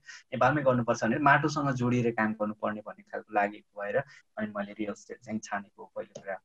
अर्को कुरा भनेको चाहिँ अब रियल स्टेटमा धेरै ठुलो स्कोप पनि छ। संसारमा जति पनि धेरै प्राइमरी चाहिँ प्राइमरीली अपार्ट फ्रम चाहिँ apart from few tech billionaires and stock market billionaires real स्टेटको चाहिँ बाट चाहिँ धेरै सफल भएका र धेरै बिलिनियर्स भएका धेरै धेरै मान्छेहरूको तालिममा त त्यस्तो खालको नम्बर छ।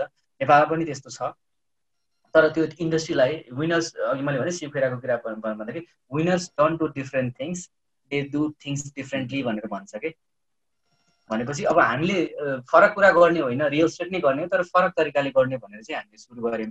अलिकति प्रोफेसनल पाराले गर्नु थाल्यो भने चाहिँ सबैजना स्टेक होल्डरहरू बायर्सलाई पनि फाइदा सेलर्सलाई पनि फाइदा गभर्मेन्टलाई पनि फाइदा ट्याक्स आउँछ गभर्मेन्टलाई बा चाहिँ बायर्सलाई चाहिँ he makes he or she makes sure that they are getting the property in a right price right price in in a very चाहिँ प्रोफेसनल म्यानर सेलरलाई पनि they are getting the right price of their property अनि त्यहाँपछि everything taken care of कि राम्रोसँग इन्डस्ट्रीलाई नै त्यो advancement भयो भने चाहिँ आखिर हामी हरेकजना मान्छे बिहान उठेदेखि नस चाहिँ जब निस्किन्छौँ घरबाट घरै फर्किनुपर्छ भने हामी सबैजनाको घरमै बस्ने हो नि त त्यो रियल स्टेट नै हो। अफिस जान्छ त्यो अफिस पनि रियल स्टेट नै हो कि आसिसको कफी पसल छ त्यो कफी पसल रेस्टुरेन्ट पनि रियल स्टेट नै हो कि everything that we operate on is real estate it is a very very very one of the biggest industry of any economy चाहे नेपालको होस् चाहे युएसको होस्। अनि त्यसमा चाहिँ राम्रो तरिकाले डिफ्रेन्ट तरिकाले काम गर्न सक्यो भने चाहिँ इन्डस्ट्रीलाई लिड गर्न सकिन्छ। त्यो पोटेन्सियली त्यो पोसिबिलिटी देखेर।